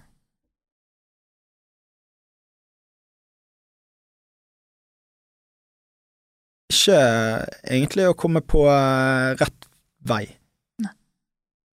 Det var bare noe jeg måtte gjøre. Jeg, jeg har Jeg er veldig bestemt i når jeg gjør ting, da. At da skal jeg gjøre det og gjennomføre og stå hele veien ut, uansett. Sant? Og det er jo positivt og negativt, og det er jo òg gjerne grunnen til at jeg måtte At jeg fikk alt på meg, ikke på liksom Det var jeg som sto aleine i det, Mm. istedenfor å eh, dele byrden. Mm. Har du vært flink til å spørre om hjelp? Jeg har jo fått hjelp av mine foreldre. Du har kunnet snakke med de? Ja, til en viss grad, men mest for å Bare det å ha et sted å bo og kunne overleve og Mm. kunne være tålmodig nok med meg til at jeg kan bygge meg sjøl opp igjen, da. Mm. Og eh, Ja, venner, familie, alle så hvor ødelagt jeg var etterpå. Bare vær snill, ikke start en business igjen, eller ikke slutt. Kanskje du selger tiden din, få deg en jobb, Ja. sånn som alle andre. Folk er villige til å betale mye penger for tiden din. Mm. Så det gir jo meg ingenting annet enn penger. Det gir Mm. meg ingenting. Men hadde du en indre stemme som sa at nei, jeg skal gjøre noe helt annet? Nei, det var jo man, når, når du ligger i sengen gjerne fem-seks timer hver dag i flere måneder, og egentlig bare lytter på YouTube-motivasjonsvideoer, og du tenker og du tenker og du tenker gjennom alle mulige scenarioer. Mm. Hva, hva jeg gjort feil? Hva jeg gjort riktig? Hva kunne jeg gjort bedre? Uh, hva Alt går jo gjennom hodet ditt. Du må jo Mm. Kjenner meg veldig igjen. ja. I det. Så uh, det ble jo til at man bare sånn jeg kan, jeg kan faktisk ikke ta en jobb for noen og føle at jeg lever det livet jeg ønsker å leve, og liksom til det fulle. Jeg vil heller ofre på visse områder og ha friheten til å gjøre det jeg ønsker å gjøre, og på mine premisser. Sant? En av de tingene som jeg syntes var helt forferdelig, det var jo å være låst til å være i Mo i Rana i tre måneder på hotellrom, så du føler som et sykehus, sant, og ikke kunne være hvor som helst, egentlig, sant, og, Mm. og at du, du er låst til et sted du ikke har lyst til å være i det hele tatt. Du enormt ukomfortabelt å være der eh, med tanke på eh, situasjonen eh, Mm. Eh, så man vet man er oppi. Man er nødt til å være tett på bare for å få alle bitene på plass og sikre. Sant? Skape trygghet overfor de investorene som er der. Sant? For det er jo tillit man investerer i. Det er jo Mm. menneskene. Sant? Så hvis plutselig bare forsvinner, så er det jo liksom Ja, ok, nå er det bare han. sant? Ja, du rømte ikke fra ubehaget. Og det Nei, står det jo stor respekt av at du ikke gjorde det. Og uh, det var Ja, hva skal jeg si Det det er mange ting jeg kunne gjort bedre. Og eh, det er enormt mye læring i, i dette. Og Ja, jeg er hva er den viktigste lærdommen du tar med deg fra dette? viktigste lærdommen er jo at ikke være avhengig av andre. At du må kontrollere ditt eget narrativ, eh, din egen Liksom, hvis, hvis jeg skal være avhengig av en investor for at jeg gjør suksess eller ikke suksess, eller eh, av et annet menneske eller noe, så er det, det er noe feil. Og eh, for min del at jeg kan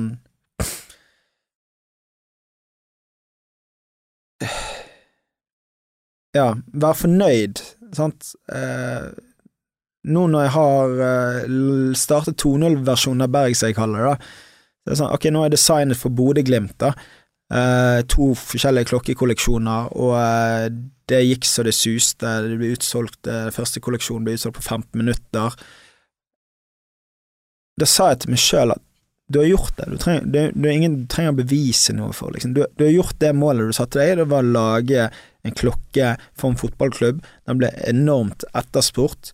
Alt annet herfra, det er oppside. Du har, du har klart det du skal gjøre, alt annet er bonus. Og det gjør sinnssykt mye lettere å eh, bare kunne gjøre det man skal gjøre, istedenfor å kjenne på press på, fra seg sjøl Mm. og alle andre, selv om egentlig presset legger man som regel på seg sjøl. Mm. Og, eh, og jeg har blitt mye flinkere til å ikke koble identiteten min opp mot bare selskapet mitt. Altså når jeg skriver på LinkedIn, så er det ofte veldig mye personlige ting, og eh, mye mental helse og det òg. Men det er veldig lite jeg skriver om klokkene. Mm. Så jeg er liksom bare ok, her er alle mine erfaringer, da. Mm. Alle mine tanker om hvordan det og det gjør, og ting jeg møter, forretningsmennesker jeg treffer på veien som gjør eh, Noen gjør noe veldig riktig, noen gjør noe veldig feil. Veldig mange kommer til meg når de har det vanskelig, så tar de kontakt med Mm. meg på LinkedIn eller ringer meg.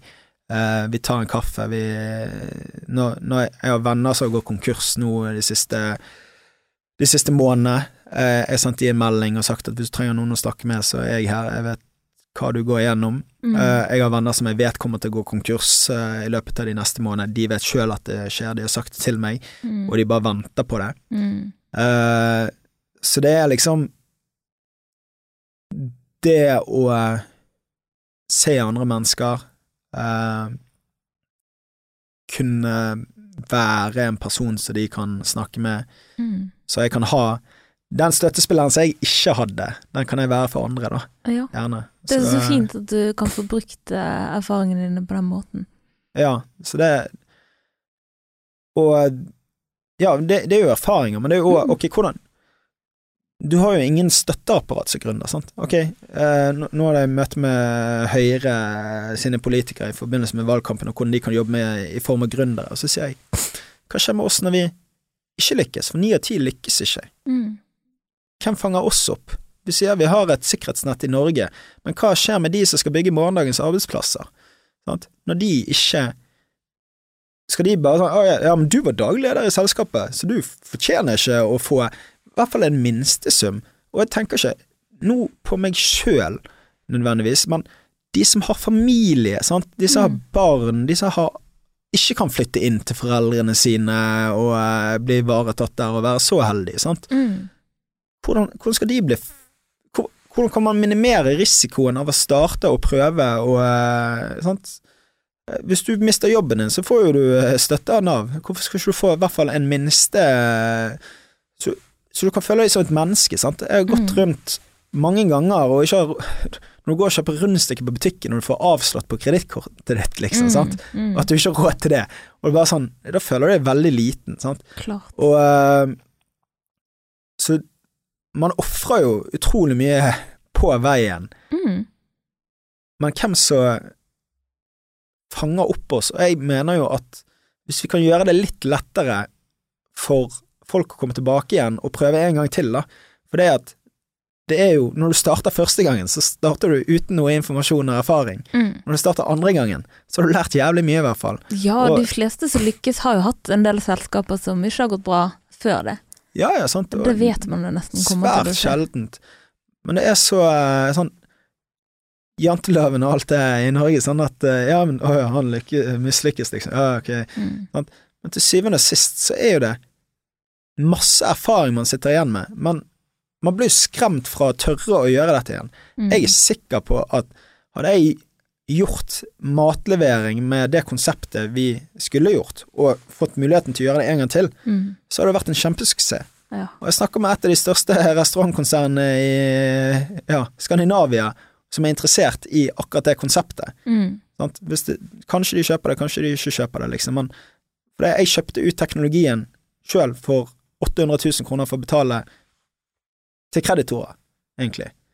Så jeg påførte meg sjøl masse gjeld, egentlig, ganske idiotisk, eh, for å dekke oppom disse tingene Altså, jeg sitter på teknologi, men ja, hvem er den tilpasset? Hvor mange er det som faktisk har verdi ut av den? Veldig Mm. få. Du snakker om å tørre igjen, og det, det har jo du absolutt turt, og det, det er et eventyr du er på nå, men det skal vi ta etter spalte, nå må vi piske opp stemningen litt igjen. og kjøre en eh, pingvin i fryseren på deg, så er du klar, eh, Pål? Mm. Let's go. Hva fikk deg til å le sist på internett? Uh, det er faktisk en norsk TikTok-fyr, hva han heter Eh, Håkon et eller annet. Han har en Det er samme musikken i hver eneste eh, video lager, og så eh, spiller han en mannlig og en kvinnelig karakter, så det er liksom i et forhold, Mm. og så eh, er det sånn Ok, når damen sier noe til deg, og så bare sånn eh, Ja, for eksempel i den ene videoen der, så går eh, spør han ja, skal du ha noe på butikken, og så sier hun nei, og så kommer han tilbake fra butikken, så bare hva kjøpte du til meg? Og så bare du sa jo du ikke skulle ha noe! sånt. Dette tror jeg har sett, det er jo Ja. sånn det er. Ja, så bare sånn, står han der som et spørsmålstegn, og så er det bare sånn Ja, det Og så er det bare sånn 40 videoer med sånne, så jeg bare gikk ned og så alle midt på natten. Han tar det på kornet, da. Ja, nei, det Jeg syns det var dritrått, og jeg prøvde å sende han en melding, for jeg bare sånn Jeg digger For det første har han en veldig kul klokke på seg som minner om uh, Grieg-klokken som jeg har laget, Uh, og bare sånn Ok, hvis du vil, trenger noen klokker, så gi meg en liv, så bare sånn Vær så god. Uh, for det er Ja, hvis han Han trenger ikke å reklamere for det, men bare ha det på seg, sant. Mm. Så det er det man kult. jo merke til det. Mm. Ja, ja, men for oss å kunne dele hans innhold og si ok, han går med det, sant? og så er det bare det er jo morsomt, det skaper glede. Det er noe uansett våre følgere og kunder ville satt pris på mest sannsynlig òg. Absolutt. Hva og hvor drikker du helst på byen? Nå drikker jeg ikke alkohol lenger, da. Ja, så nå, jeg, eh, nå har jeg gått eh, 15,5 måneder uten alkohol snart, eh, så eh, Og det begynte jo egentlig med at jeg ville teste sjøl om Mm. hvordan det påvirket helsen min hvis jeg gjorde det i tre måneder, og så bare wow, her var det masse positive ting som skjedde, sant. Mm. Men eh, hvor jeg drikker når jeg er på byen Din mocktail eller, eh, eller alkoholfri øl, da? uh, ja, nå, nå har jo jeg vært veldig mye utenlands uh, i år, men eh, skal vi se Jeg Jeg kan si Det siste så har jeg vært på jazz på Flingi på fredager, og der har jeg kjøpt kombucha, da. Det er jo ikke Det, er alkoholfritt, men det er liksom Ok, det er bra for magen min, og så er det en digg sånn alkoholfri drikke, da. Kling er verdt å merke seg, da. Ja. Hva er det beste komplimentet du kan huske å ha fått? Uff. Um.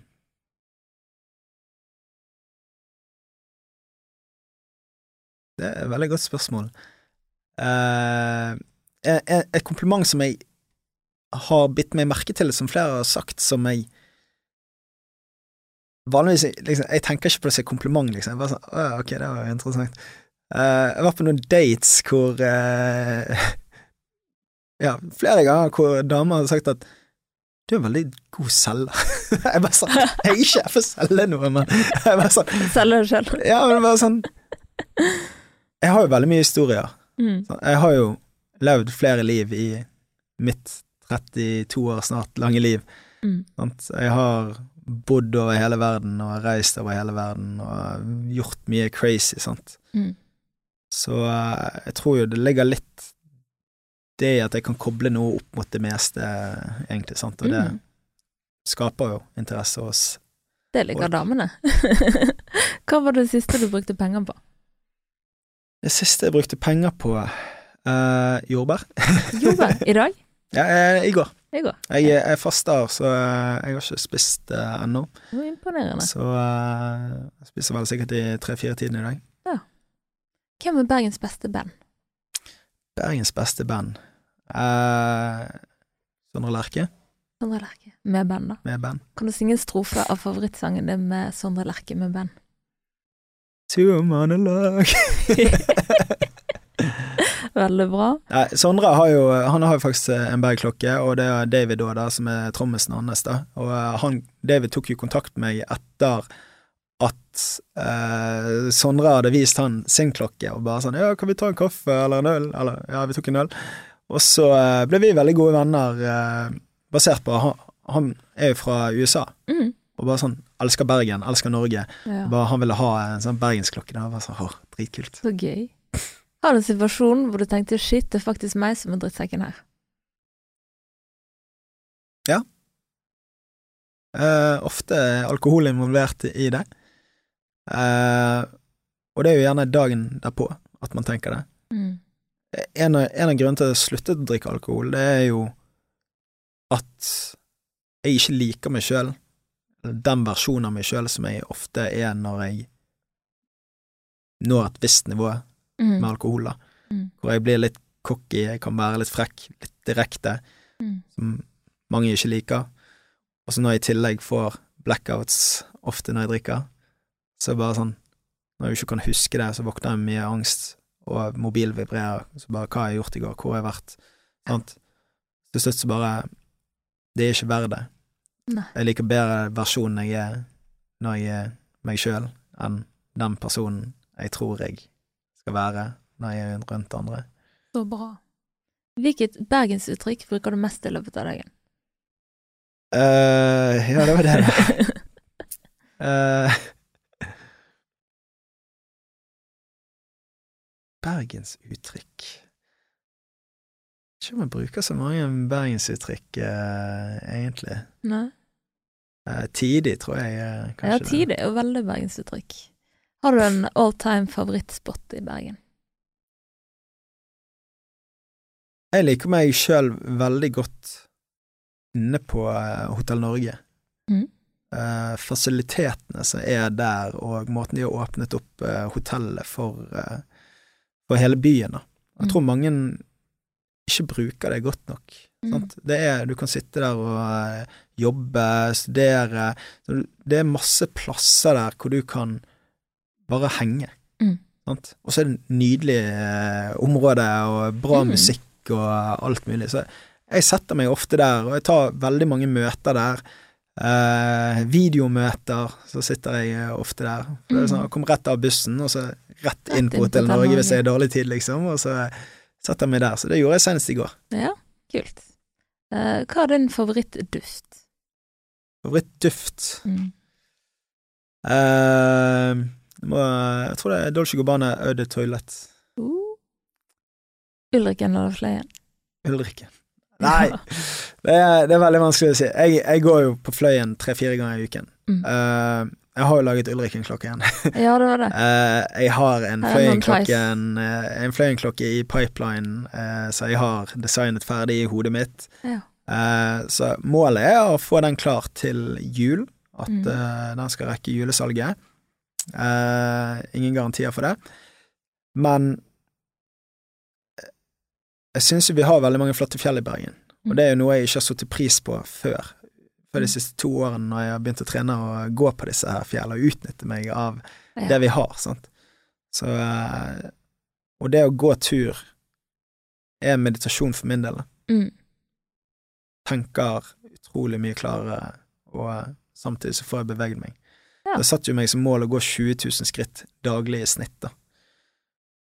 Det, og det synes jeg er et veldig gøy mål, for det at jeg vet at mest sannsynlig når jeg ikke det målet de fleste måneder. Sånn, Plutselig, sånn som denne måneden. Sant? Nå har jeg, jeg har hatt eh, korona i ni dager med feber og Mm. ikke beveget meg, sant? så nå sliter jeg med å komme opp i 10 000 skritt. Men i, i juni så nådde jeg det målet, da, og den siste dagen så måtte jeg faktisk bare I de siste tre og en halv timene av eh, juni Mm. så måtte jeg bare gå og gå og gå. Jeg kunne ikke spise middag, for jeg måtte klare å Måtte gå klare 34 000 skritt i løpet av den dagen. Sant? Jeg nådde månedsmålet mitt. da. Wow. Men det som er den beste tingen med det, det er at ok, du har et mål, så du, vil, du setter pris på å ta de ekstra skrittene. Sånn som når jeg kom her i dag, så gikk jeg rundt bygget. Og Ja, da du tok deg en runde, du. ja, så bare sånn, Å, yes, da fikk jeg ekstra skritt. Sant? Og eh, når bussen, der jeg bor, så er det ikke så lett å, eh, på kvelden å eh, ta bussen, så da må man gjerne gå i 15 minutter i ene retningen, eller 30 minutter i andre retningen. Så istedenfor at før så bare sånn, åh, så er det en positiv ting, for nå kan jeg bare sånn, ok, nå får jeg ekstra skritt, og så kan jeg ta på en podcast, og så kan jeg eh, gå og få frisk luft, sant. Så Ja. bare sånn, det endrer mindsettet, og for hver gang du klarer å snu noe negativt til noe positivt, så tror jeg at du omprogrammerer hjernen til å være en mye mer positiv eh, person av natur, og tiltrekker deg mye positive ting. Absolutt. Og helt til sist, hva ville du gjort hvis du kom hjem og fant en pingvin i fryseren? Det er litt morsomt. For det at eh, jeg hadde en, eh, en som jobbet for meg i, i Peppers Pizza, da, og jeg sa til Jeg bodde på no, eller har en leilighet på Nordnes, så jeg leier ut. Eh, og så sa jeg at jeg har to pingviner hjemme i skapet, og han trodde på det i liksom helt til han kom hjem og besøkte meg når jeg hadde liksom afterwork-greie der en gang. Ja. Så bare sånn, ja, fra akvariet. Så hvis jeg hadde funnet to pingviner i kjøleskapet eller fryseren, så hadde jeg ikke vært sjokkert, egentlig. Nei, for at du bor såpass nærmt akvariet. Ja. Ja, men da hadde du levert de tilbake, hadde du ikke det da? jo, jo. Nei, jeg hadde mest sannsynlig bare tatt og filmet de, og eh, så levert de tilbake igjen. Syns det var en veldig morsom ting. Ja. Det var den spalten, og da er vi tilbake og skal grave litt videre både i selvbilde og nyere prosjekter, men vi kan jo begynne med å finne ut hvor dette gründergenet ditt kommer fra. For det du har vel litt å leve opp til. Ja, det Jeg har på alle sider av familien min, bestemødre, bestefedre, så er det folk som har startet bedrifter, om det er eh, doktor Greve på min eh, mormor sin eh, side av familien, om det er eh, min eh, morfar som eh, Han var jo direktør i Redningsselskapet og er hedersmedlem der, og han, han som har det som er DNB Eiendom i dag, var han som fikk i oppdrag å starte opp, og min bestefar han De var fem brødre. Alle hadde store kolonialer, altså dagligvarebutikker rundt omkring i Bergen, så de hadde arvet av sin far igjen. Og hvis da, han la igjen sine memoarer, og eh, da går det bak til eh, 1880-tallet med kolonialer i familien, og eh, kaffe, vinimport. Eh, så du hadde Grung kaffe i, fra 1900 til 1970, og da la min bestefar det ned da han eh, eh, Han ble direktør i Køff, da, så nå er Asko. Mm. Så han Asko er jo de som leverer dagligvarer til alle dagligvarebutikker, sant. Ja. Eh, og eh, var en veldig respektert mann innenfor eh, dagligvarehandel, og har hjulpet Norgesgruppen til å være Norgesgruppen i dag med de, å implementere deres datasystemer eh, tilbake i 80-tallet, sant. Mm. Når barkoder var helt nye ting, og det var moderne teknologi. Eh, til at ja, han, har, han fikk Pepsi til Norge, som du har eh, her Ja, i dag og her. eh, drikker. Skål. Så eh, Ta en jeg. han, når han var direktør der, så eh, var jo det et veldig stort selskap, veldig mektig her på, eh, på Vestlandet, da. Var eid av alle kjøpmennene her på Vestlandet, så de hadde ut fra omsetning så hadde de en eierandel i det, da. Mm. Og det er jo en veldig fascinerende historie i seg sjøl, hvordan eh, Jo Johansen, som nå er Norgesgruppen, klarte å kjøpe opp Køff, og det ble til Asko. Mm. Og det de kjøpte Det er ikke alle som gjør bra når de driver business, sant? Nei. Og så hadde de satt på vedtektene til dette selskapet, og hvis de kom over så og så stor aksjemajoritet, så fikk de eie, styre i hele greia. Eh, så de kjøpte jo opp de som gikk dårlig. De betalte 200 millioner totalt for noe som hadde en cashbeholdning på 800 millioner. Wow. De fikk 600 millioner gratis, pluss businessen, og, eh, så det er jo det som er Asko i dag, da. Uh, og, eh, og så han bygget, eller vært mannen bak Vestkanten, Lagunen, Bergen Storsenter, busstasjonen, eller Bygarasjen, mener jeg, eh, Knarvik senter, eh, Askøy senter, ja, en god del eh, kjøpesentre, da, og Mm. eh, så eh, av den eldre generasjonen så kjenner de fleste til eh, han da, og vært en driftig kar. Eh, min bestemor sine brødre eh, var styrtrike på shipping. Mm.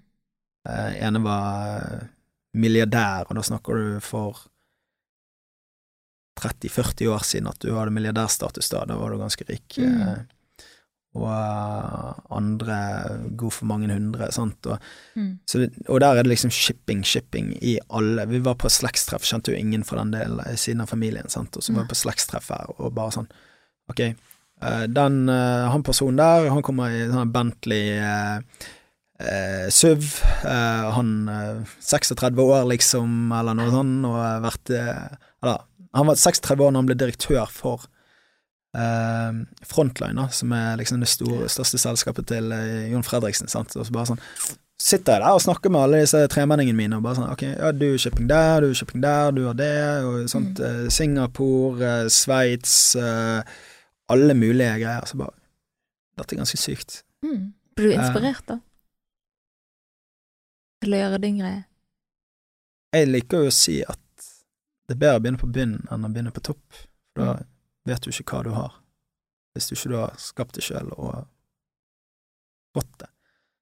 På Friele-siden så var jo min side av familien var jo egentlig de som var arvingene til dette, men så døde den personen fra min side litt for tidlig, og så gikk det over på motsatt side, da. Og, eh, og det er jo sånn, jeg jo, jeg er glad for at det skjedde. Mm. Jeg har venner som er født styrtrik, Mm. og eh, jeg ser på problemene deres, og hva de anser som problemer. Men de har jo aldri kjent på en nedtur. De har aldri de flyter liksom helt eh, i toppen, sånn, så det er veldig lite friksjon i deres liv. Og da kan ikke du verdsette de tingene som gjerne kommer med det. Nå, nå er jo ikke en, en som setter veldig mye pris på materialistiske ting, sant, og Mm. når folk sier ja, du vil jo bare starte business og tjene masse penger, så de færreste tjener penger på å starte sitt eget selskap og liksom bli rik av det. Men jeg har mer enn nok venner rundt omkring i verden som jeg kan ringe til, og som har en yacht eller har en uh, superbil eller uh, jeg bor i et palass, liksom, sant? Mm. Uh, som jeg kan treffe og være med og utnytte de fasilitetene hvis jeg skulle ønske det. Men Mm. ja, det er kjekt, liksom. Men Mm. Det er gleden med å skape du har. ja, liksom, jeg, jeg vet jo at vi Du får ikke lykke av de tingene, for det at folk de sparer til en veske, de sparer til en PlayStation, de sparer til eh, en ny mobil til sommerferien sin. Sant? Når folk drar på sommerferie, så er det eh, de dagene de er lykkeligst. Det er de Ja. to dagene før de drar på sommerferie. Ja. For da er det hodet deres allerede på ferie. Ja. Det er ikke når de er på selve ferien. Mm. Eh, når du har kjøpt en PlayStation, så er det gøy å spille den de første tre-fire dagene. Du har gjerne spart den, eller du har uh, vært er på venteliste i Ja, og så Kort kommer hjernen opp, og så har du bare Du har fått det. Du har Mm. fått det dopaminet. Da er Liksom, ikke så gøy lenger. og, og, og sånn er det uansett. Så det er liksom reisen av å komme dertil, av, av å nå eh, målet, er det som er gøy. Sant? Så Mm. for eksempel når jeg, jeg dro til Machu Picchu jeg backpacket i Sør-Amerika i fire og en halv måned når jeg eh, var 20 år. Og når vi gikk det originale Inca Trail, da Jeg var førstemann til Machu Picchu. Og det var helt nydelig, men det var alle erfaringene på den fire dager lange turen som Mm. var liksom bare eh, det jeg sitter igjen med. Og eh, det er ikke det å være og gå i ruiner på Machu Picchu, det er alle de øyeblikket å komme opp til det. Jeg var der ti minutter før neste person kom der, liksom. Fikk Mm. se soloppgangen komme over Machu Picchu.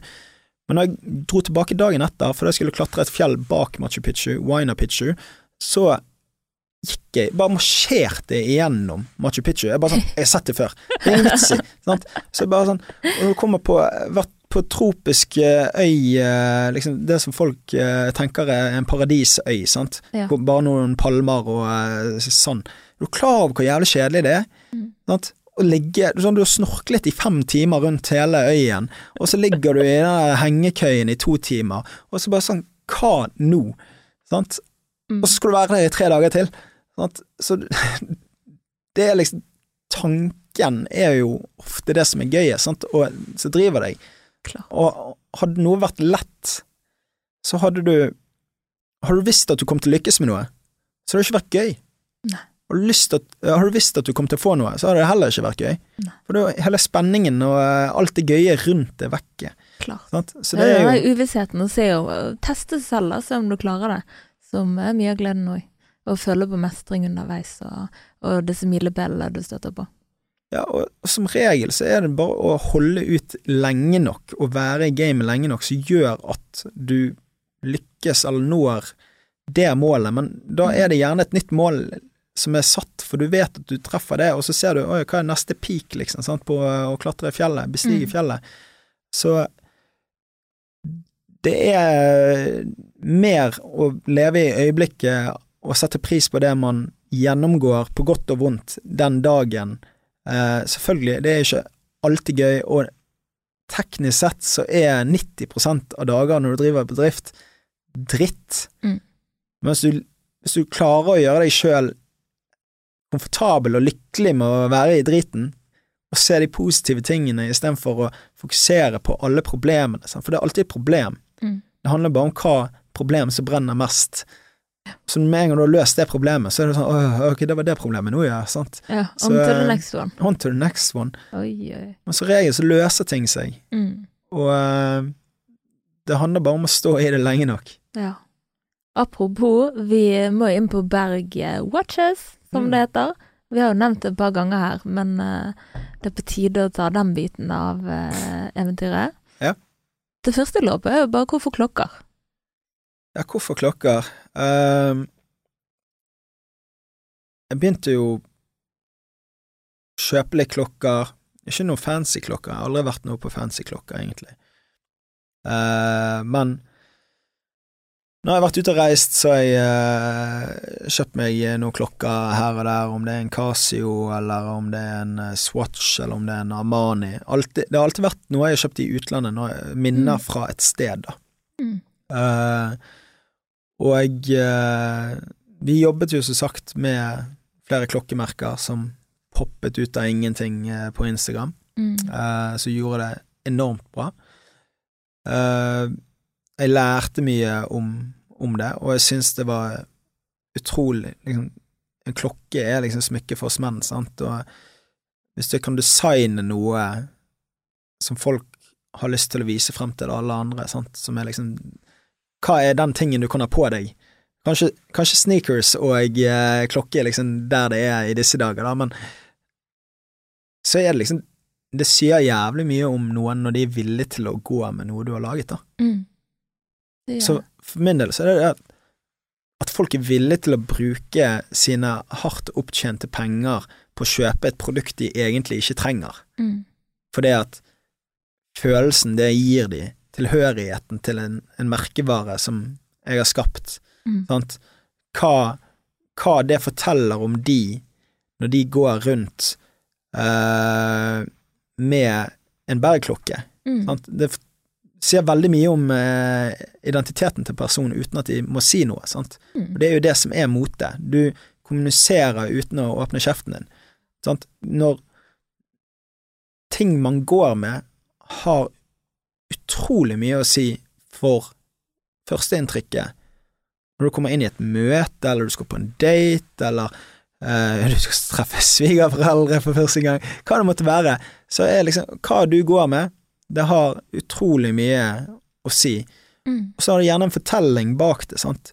Så jeg, en av mine beste kunder, han, eh, han har masse vintage Daytona Rolex-klokker, så han har i en safe, men han går nesten bare med bergklokker, fordi at han elsker både designet, men også historien bak det, og forteller om dette i sine møter, sant? så det er en conversation starter. Mm. Og da er det òg oppe på sånn hvis, hvis du snakker om folk som har penger Hvis alle går rundt med en Rolex, så er jo ikke det spesielt med en Rolex.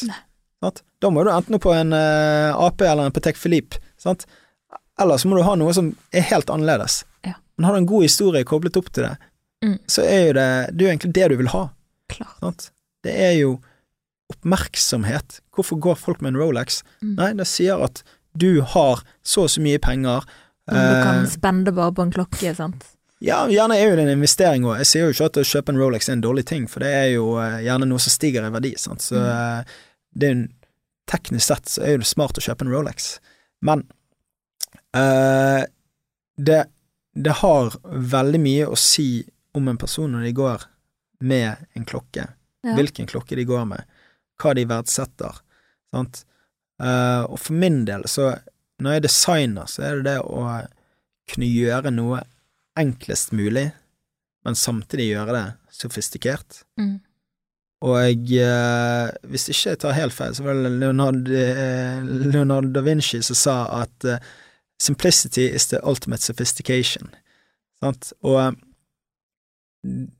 da er liksom, når jeg designet Ulriken som første kolleksjon, så er det liksom ok, hvor mye kan jeg strippe ned denne klokken, men den er fortsatt en klokke, og den er elegant, men den har noen detaljer som virkelig skiller seg ut fra alle andre klassiske klokker. Mm. For det er veldig vanskelig å finne opp en ny form for klokke. Sant? Ja, du har Apple Watch, du har den type, men i form av former og farger, så er jo det Det er jo bare så mange valg. Ja, ja, sant. Det, Du har gjort noen gøye valg der, både på, på viseren og på um, dato... ja, sant. Så når jeg designet Ulriken-klokken, så var jo det at datoen er inspirert av eh, en Armani-klokke jeg kjøpte i uh, 2014 da jeg var besøkte Anders i New York. Så var jeg inne i Armani-butikken, de har en rå butikk, og den, da kjøpte jeg en kronografklokke som jeg ble veldig glad i. Dessverre så hadde den mineralglass, og det knuste, det glasset. Eh, men den hadde dato på fire, og det var liksom den detaljen som jeg bet meg mest eh, tak i, da. Eh, og det er liksom et element jeg har tatt med meg videre i mine design, da. Som bare sånn, ok, det er en litt sånn signaturting som jeg, jeg vil ha. Mm. Eh, vi har eh, på de fleste klokkene så er romertall på tolv og uh, sekstallet, men ikke på tre og ni, som er litt sånn uvanlig. Eh, vi har ikke sekundviser, vi har ikke timemerker for eh, sekunder, som klokker har. Så det har liksom vært å strippe det helt ned, og nå har vi laget en 2.0-versjon av Ulrik igjen, og det har tatt inn eh, noe som heter sånn Sunray Dial, da. Det vil si en urskive som når lyset treffer, så vil han skinne og reflektere ut ifra lyset, da. Ja, det ser jeg på din. Ja. Den skinner jo om kapp med solen her. Så det, det er jo noe en ting jeg er blitt veldig glad i, og som jeg ser at kundene har har satt pris på. Mm. Eh, og så er det lakseskinn, sant. Vi har det er eh, sveitsisk eh, urverk. Ja. Ja. Vi har fra Ronda, da, som har laget siden 1946, eh, så de begynner å få litt erfaring. Mm.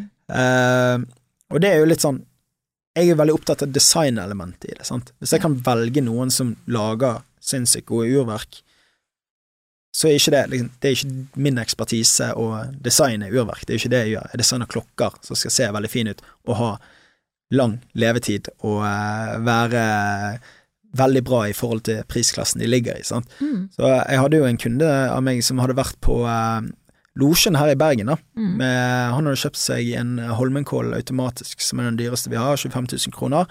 Og da hadde han urmakeren sagt at wow, dette her Han hadde truffet en urmaker der. Eh, dette her er jo en skikkelig klokke, liksom. Sant? Men han hadde aldri hørt om Berg. Men urverket inni, sant? det er et ETA-urverk som gjerne du finner klokker i 150 000-kronersklassen uh, som bruker uh, dette. Sant? Samme pris, samme inn, innmat. Mm. Annen merkevare. Mm. Sant? Wow. Så Tag Hoier eh, 158 000 kroner for samme urverk. wow. Så eh, han var jo bare sånn, når han kom tilbake til meg og eh, sa ja, det er helt sykt, jeg traff en urmaker, og han sa dette er jo det beste, liksom. Sånn. Og jeg bare ja, selvfølgelig. Mm. Men det er da folk skjønner hvor mye verdi den klokken faktisk har, liksom. Sant? Men Ja. Mm, det er van vanskelig for meg å lage et merkevare som eh, konkurrerer med noen som har operert i 100 år, sant? Og, eh, og kunne forsvare en verdi som er tilsvarende det. Sant? Men Mm. hvis jeg kan lage et produkt som er i tilsvarende kvalitet, samme urverk, alt, Mm. så er jeg superhappy, og eh, det er marginer for oss inni det, og eh, kunden får eh, et utrolig bra produkt, så er det magisk. Sant? Du har jo også en piece om uh, beat. bitte litt uh, inspirert av en av de fineste klokkene jeg vet, det er jo Jeger eh, Reverso av Ja. Jeger LeCourt. Men det er jo da Grieg pianoklokken. Du har Grieg på begge sider, så det gjør det ekstra spesielt. Hvorfor Ja. valgte du å gjøre den klokken? Uh, jeg, jeg satt vi, vi, Med Deal så hadde vi, eh, som var matleveringstjenesten, da hadde vi eh, etablerte oss i Tønsberg, og da traff jeg en eh, person som kjente han som lagde Grieg sjokolade. Mm. Og så sier hvordan får de til det, liksom, i forhold til trademark og sånne ting, da? Eh, og så, nei, ok, han har vært død i over 100 år, sant. og så bare, ok, ja, det forklarer jeg. Så tok vi en telefon der, og snakket litt med han, og så bare, dette er jo ganske kult å, å kunne lage, liksom, for jeg hadde lyst til å lage ikke bare klokke, men en his historiefortelling rundt Grieg eh, i sin helhet, sant. Og på det tidspunktet så visste jeg ikke Jeg visste at jeg hadde Grieg, men hvor i familiegreiene det lå, det, det visste jeg ikke. Og så finner jeg ut at eh, Jeg visste faktisk ikke at min morfar het Grieg Friele før begravelsen hans en uke etterpå. Og eh, Eller to uker etterpå, for han døde en uke etterpå. Men da Mm. var det liksom sånn, ok, da må jo jeg lage denne klokken, sant. Det, Ja. det er jo ingen tvil om. Så, eh, og det tok meg to år å få gjennomført, men eh, det var noe jeg hadde bestemt meg for at det skal jeg gjøre. Mm. Eh, og da eh, Så da hadde jeg Grieg på den siden av familien, og så var jeg på dette slektstreffet med alle videne, da. Mm. Og da treffer jeg en som jeg visste jeg var relatert på den siden av familien, men ok, hun er firmenning på ene siden, tremenning på andre siden, og jeg, eh, ingen incest, eh, sånn og sånn, men det var sånn Ha, ok, ja greit. Og så leser jeg memorarene til eh, min bestefar. i romjulen, og da står det at min tippoldemor gikk til Hun gikk og fikk pianotimer av Edvard Grieg personlig, da. Så det er bare sånn ah, Det er jo Ja, selvfølgelig, Bergen var mindre før, men det er ganske kult, da, bare sånn sammensetningen av det. Ja. Uh, og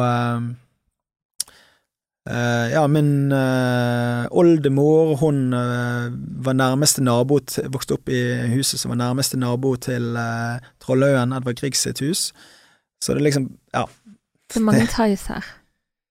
Det er ganske, ganske mye eh, ting, da. Eh, og jo mer man graver i ting, jo ofte Jo mer finner man som regel, sant. Så utrolig gøy. Ja, det er utrolig kult. Og disse klokkene har jo Altså, det går jo så bra. Jeg ser jo Berg-klokker overalt. Det er flere kollegaer faktisk som, eh, som har det. Det må være en deilig følelse å på en måte se, se sine egne klokker der ute i, i verden. Og en historie som illustrerer uh, gode kjøpere, om man kan si det sånn, det er jo hvis jeg sier Nigeria-svindel. Hva sier du da?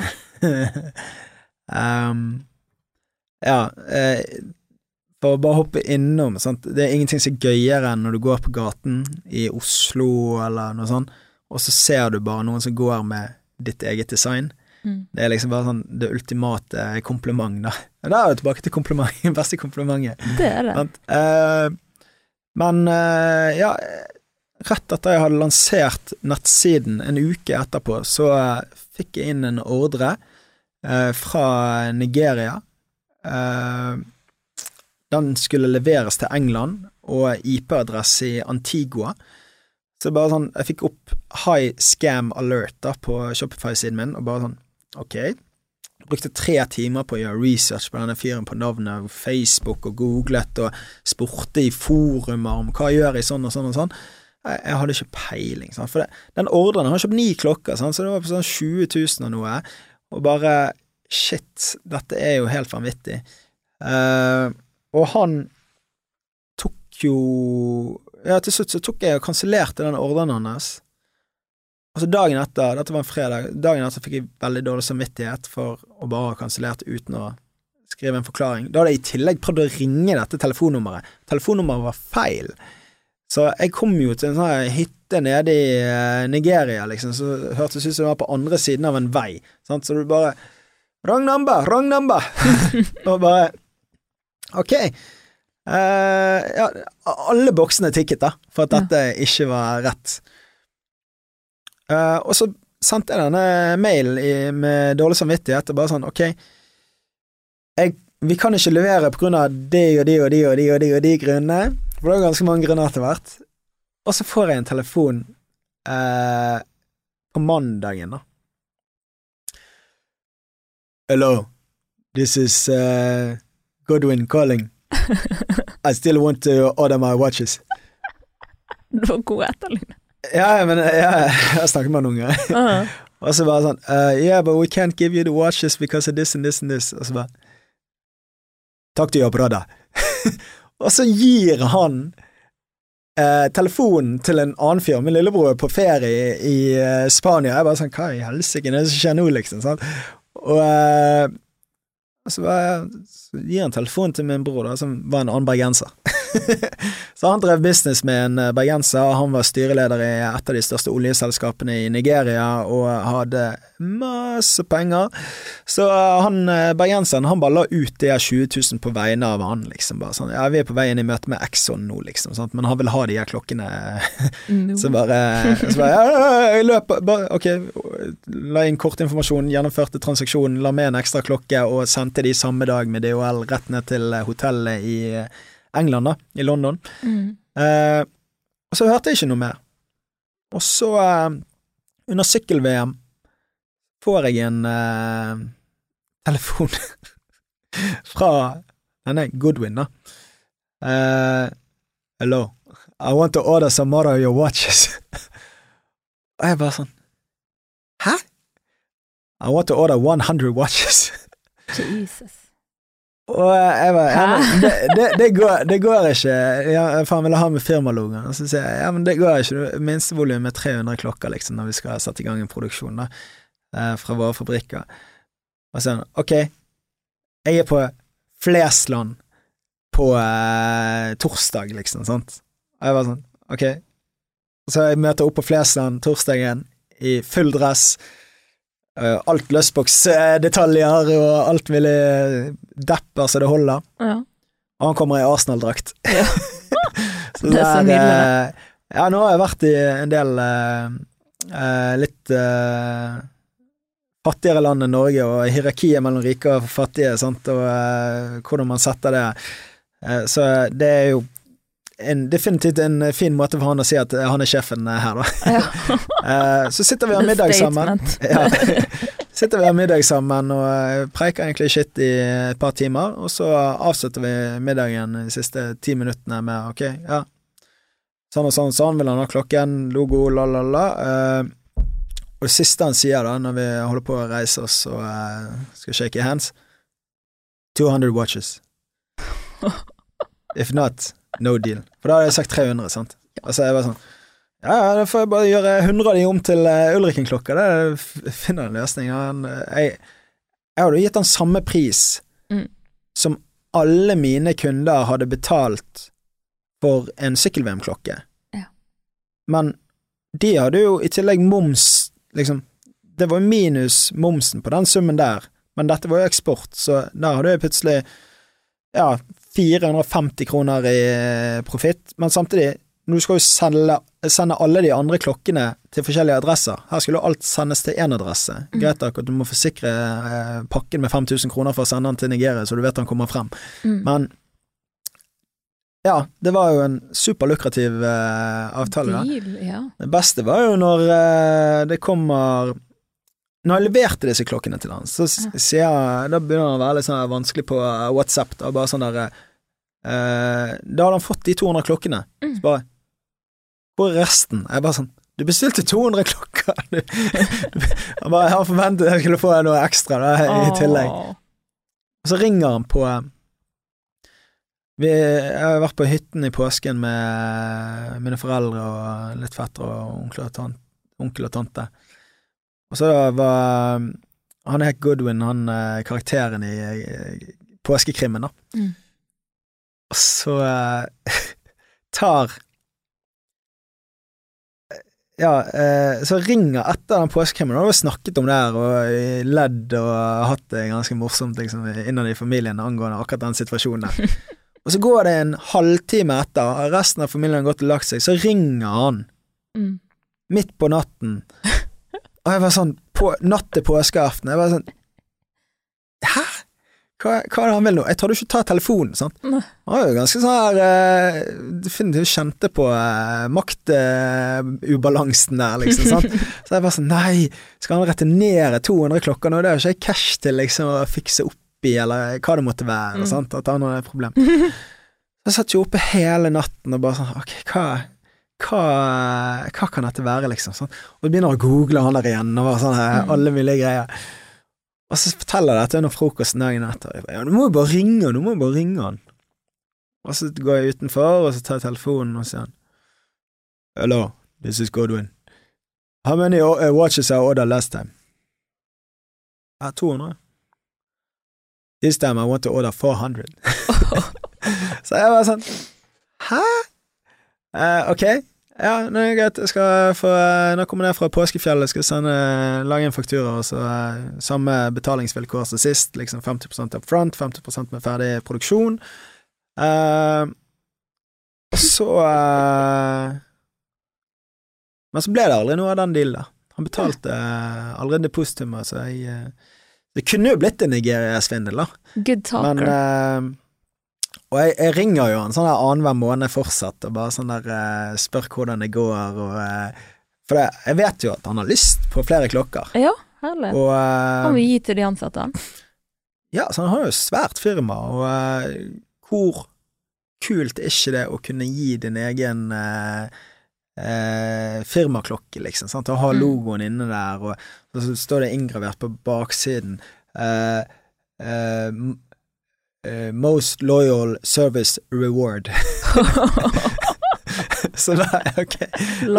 Ja, så det var liksom en veldig tacky klokke. Jeg, bare sa, jeg, jeg kan ikke ha noe berg på denne klokken her, men eh, jeg skal gjerne jeg skal lage klokken for deg. Jeg Skal Liksom, lage klokken. Dette er helt nydelig. Og en fin historie. Veldig gøy historie.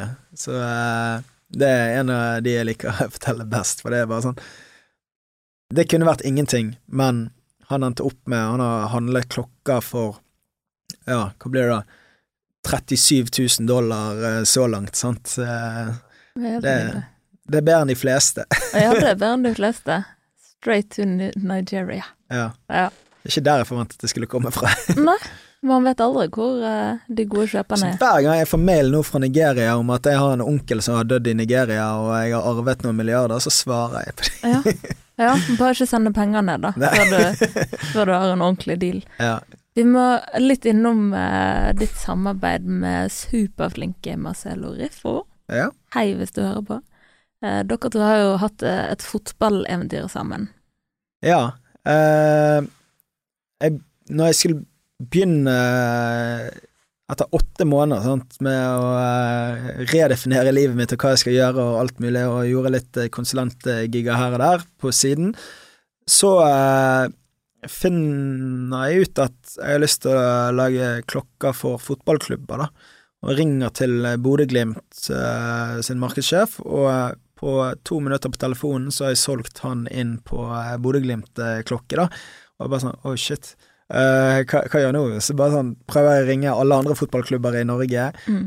Eh, Fotball-Norge er jo heldigvis på vei opp økonomisk, og Bodø-Glimt sin suksess både på banen, men òg i form av hvor mye de har klokker og hvor fort de har solgt klokkene, det er jo noe som hjelper meg. Eh, men når jeg ikke fikk noe videre traction i Norge med andre, så tenkte jeg ja, får jo sjekke da. Nei, det var ingen i Sverige eller Danmark, så de, de hadde gjerne noe sjøl. Så var jo Erling Haaland i eh, Dortmund, og så tenkte jeg ja, jeg kan legge til Dortmund, jeg, og eh, på LinkedIn. Og så gjorde jeg det, og så kom det en sånn her eh,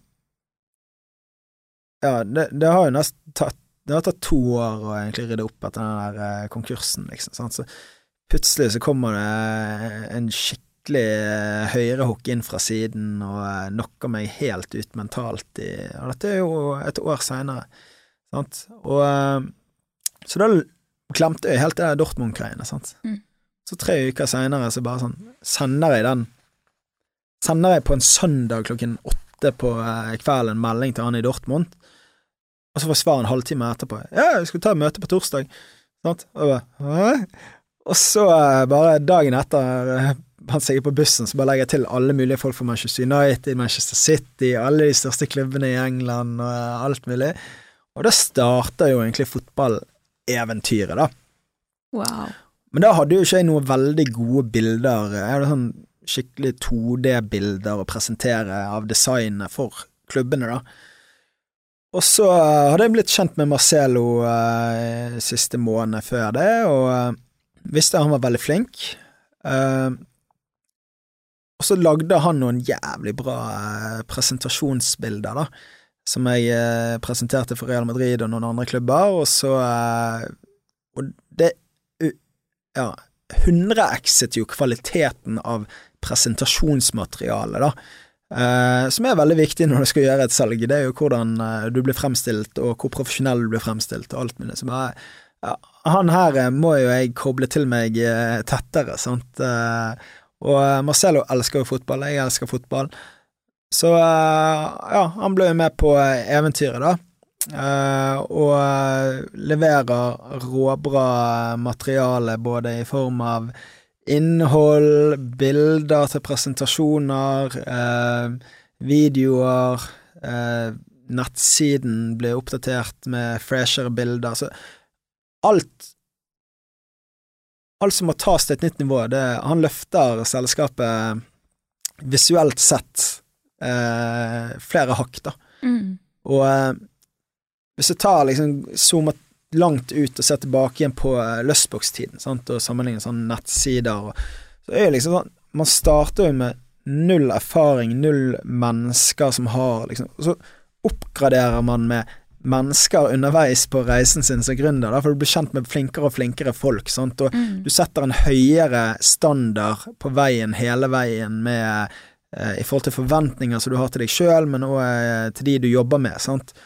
Og da da får man eh, til slutt et premium produkt. Mm. Og en premium merkevare basert på at det er inntrykket folk eh, får når de møter oss. Ja. Så hvis jeg sier Argentina, hva sier du da? Da sier jeg eventyr. Et eventyr. Så eh, Nei, jeg har vært tre måneder i Argentina i år. Uh, Argentina vant jo fotball-VM i uh, 18. desember. Eh, mens alle andre sto og feiret, så uh, satt jeg på LinkedIn og eh, DM-et eh, de riktige folkene i fotballforbundet der.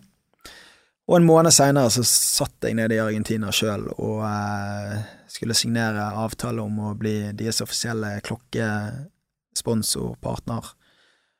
Og eh, ja, det har vært eh, ganske mange erfaringer fra den. Eh, Det er ikke bare bare å reise til andre siden av verden og skulle gjøre business i en helt annen kultur, i eh, en helt annen geopolitisk eh, situasjon. Det er et land med 118% eh, rente og tilsvarende rundt der inflasjon om dagen.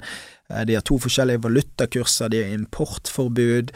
Eh, så ganske mange uforutsette ting, da, som man har måttet jobbe med og eh, skulle ta lærdom av, og vekstkurven Mm. personlig har jo vært enorm av å være der. Det jeg syns er veldig gøy med å dra til andre siden av verden og skulle gjøre business, da, og på et helt annet språk i tillegg, Mm. Det er alle menneskene som du møter på veien, og hvordan du velger å posisjonere deg i den verden. For det at når du er i Bergen eller i Norge, så alle har en formening om hvem du er, sant, for det, ok, om de har kjent deg fra barndommen, fra skolen, fra en jobb eller noe sånt, men alle har formet liksom sånn ditt, sitt inntrykk av deg, mens når du drar internasjonalt til en verden hvor ingen vet hvem du er, og så stiller du egentlig bare kravene til deg sjøl om hvilket rom du skal inn i, og, og så er det opp til deg å leve opp til de forventningene som de i det rommet har om at du passer inn og er velkommen til å være der, da. Mm. Det var jo Det er med det som er hemmeligheten. Ja, og, og være tøff nok til å uh, si at man hører hjemme i det rommet, da. Så jeg var jo to ganger med presidenten i Boca Juniors, som er en av verdens største fotballklubber.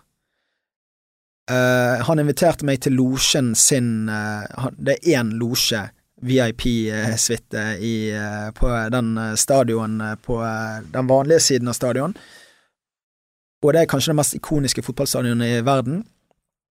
Og der kommer jeg inn der, da. Ble sittet ned ved siden av den svenske fotballpresidenten. Uh, hilser på han. Uh, og hver gang For vi snakket med Bocco Juniors om å gjøre noe, og det var før vi fant ut hvor dårlig økonomien og vanskelig situasjonen i Argentina var. Uh, og da, hver gang eh, det var et bytte, eller eh, det var overtid, for de ville at vi skulle ha Berg-logoen på det skiltet som eh, dommeren står og holder på sidelinjen, sant. Så, så snur han der presidenten seg og bare peker mot meg, bare eh, sant? Og han sitter jo eh, litt bortenfor, det sitter sånn 30 stykker inne i losjen hans, men Mm. Eh, han snakket jo ikke et ord engelsk, så måtte jo bare ta alt på spansk. Men det er liksom bare Om jeg er Adidas, eller om jeg er Berg I deres øyne så er jeg Adidas når jeg kommer inn der og skal være en uh, potensiell ny sponsor innenfor den kategorien. uh, eller innenfor en stor kategori. Mm. Og da er det bare å embrace at i deres øyne så er jeg Adidas. Klarer du å ta det til deg, holdt jeg på å si? Ja.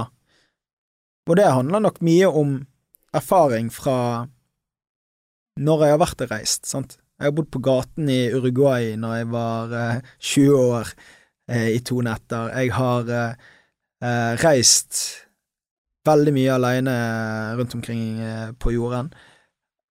Jeg har jobbet som utelivspromotør i New York, eh, hvor jeg har hatt de største idrettsstjernene i verden, de største filmstjernene i verden, de rikeste menneskene i verden, på bordet mitt, og jeg har stått side ved side og stått og preiket med dem. Jeg har satt med Jonah Hill og preiket med han i en halvtime, mens min fetter sitter ved siden av der, og han snakker med Kid Cudi, liksom. sant?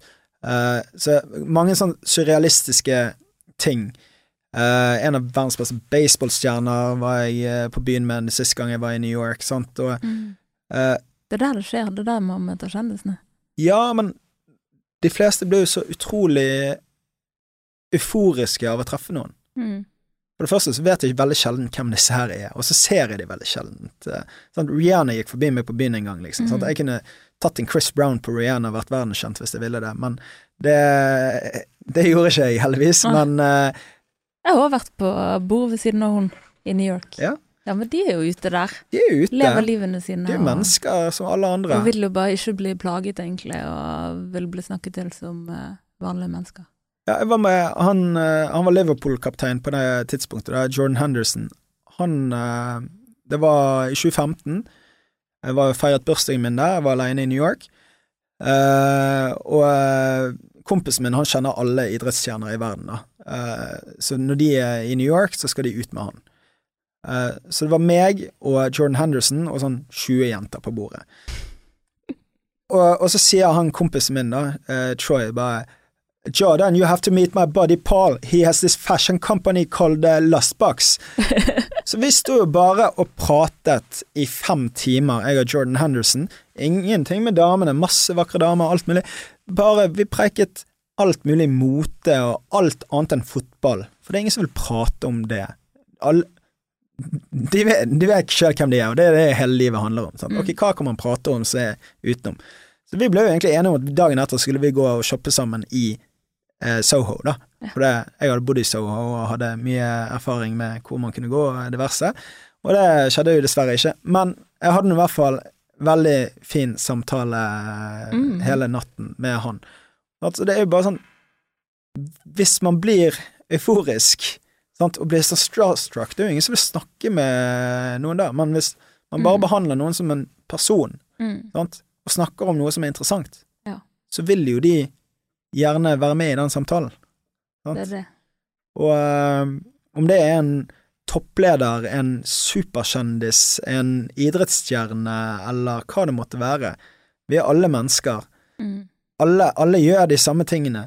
Sant? Folk skal hente ungene sine i barnehagen, alle skal på toalettet, alle skal sant? Vi, vi er bare mennesker, men vi setter hverandre på uh, Idestaller. Ja, og jeg så nå for to dager siden, så var en annen kompis av meg som bor i LA, da. Han var ute med Jay Shetty, liksom, som er The Urban Monk, sant. Eh, Mm. Så en av de mest kjente sånn Selvhjelpsguru. selvhjelpsguruer, sant. Og så var han De var spilte pickleball som en type padel i USA, da. Mm. Og der var en annen, som Matthew Hussey, som er sånn uh, love doctor, sant. Ja. Og det er bare sånn, ok, ja, det, det er jo vennekretsen der, Ja. sant. Men det er jo bare De er og gjør det de skal gjøre, og så har de interessante samtaler Mm. om andre ting enn det de vanligvis ellers snakker om og tenker og gjør, sant? så skaper ro og fred i sjelen. Det er det. Ro og fred i sjelen. Altså, det er fine ord å avslutte med, for dette har vært en del fantastiske episoder, Pål. Du har jo virkelig delt av det selv. Egentlig veldig imponert eh, og glad for at du valgte å gjøre det her. Så tusen takk for at du ville komme. Takk for at jeg fikk komme og dele. Og tusen takk til deg som hørte på, og tusen takk til superprodusent Espen Vik Morild. Eh, Vi snakkes i neste episode, og inntil det så må dere ha det veldig bra. Tullut!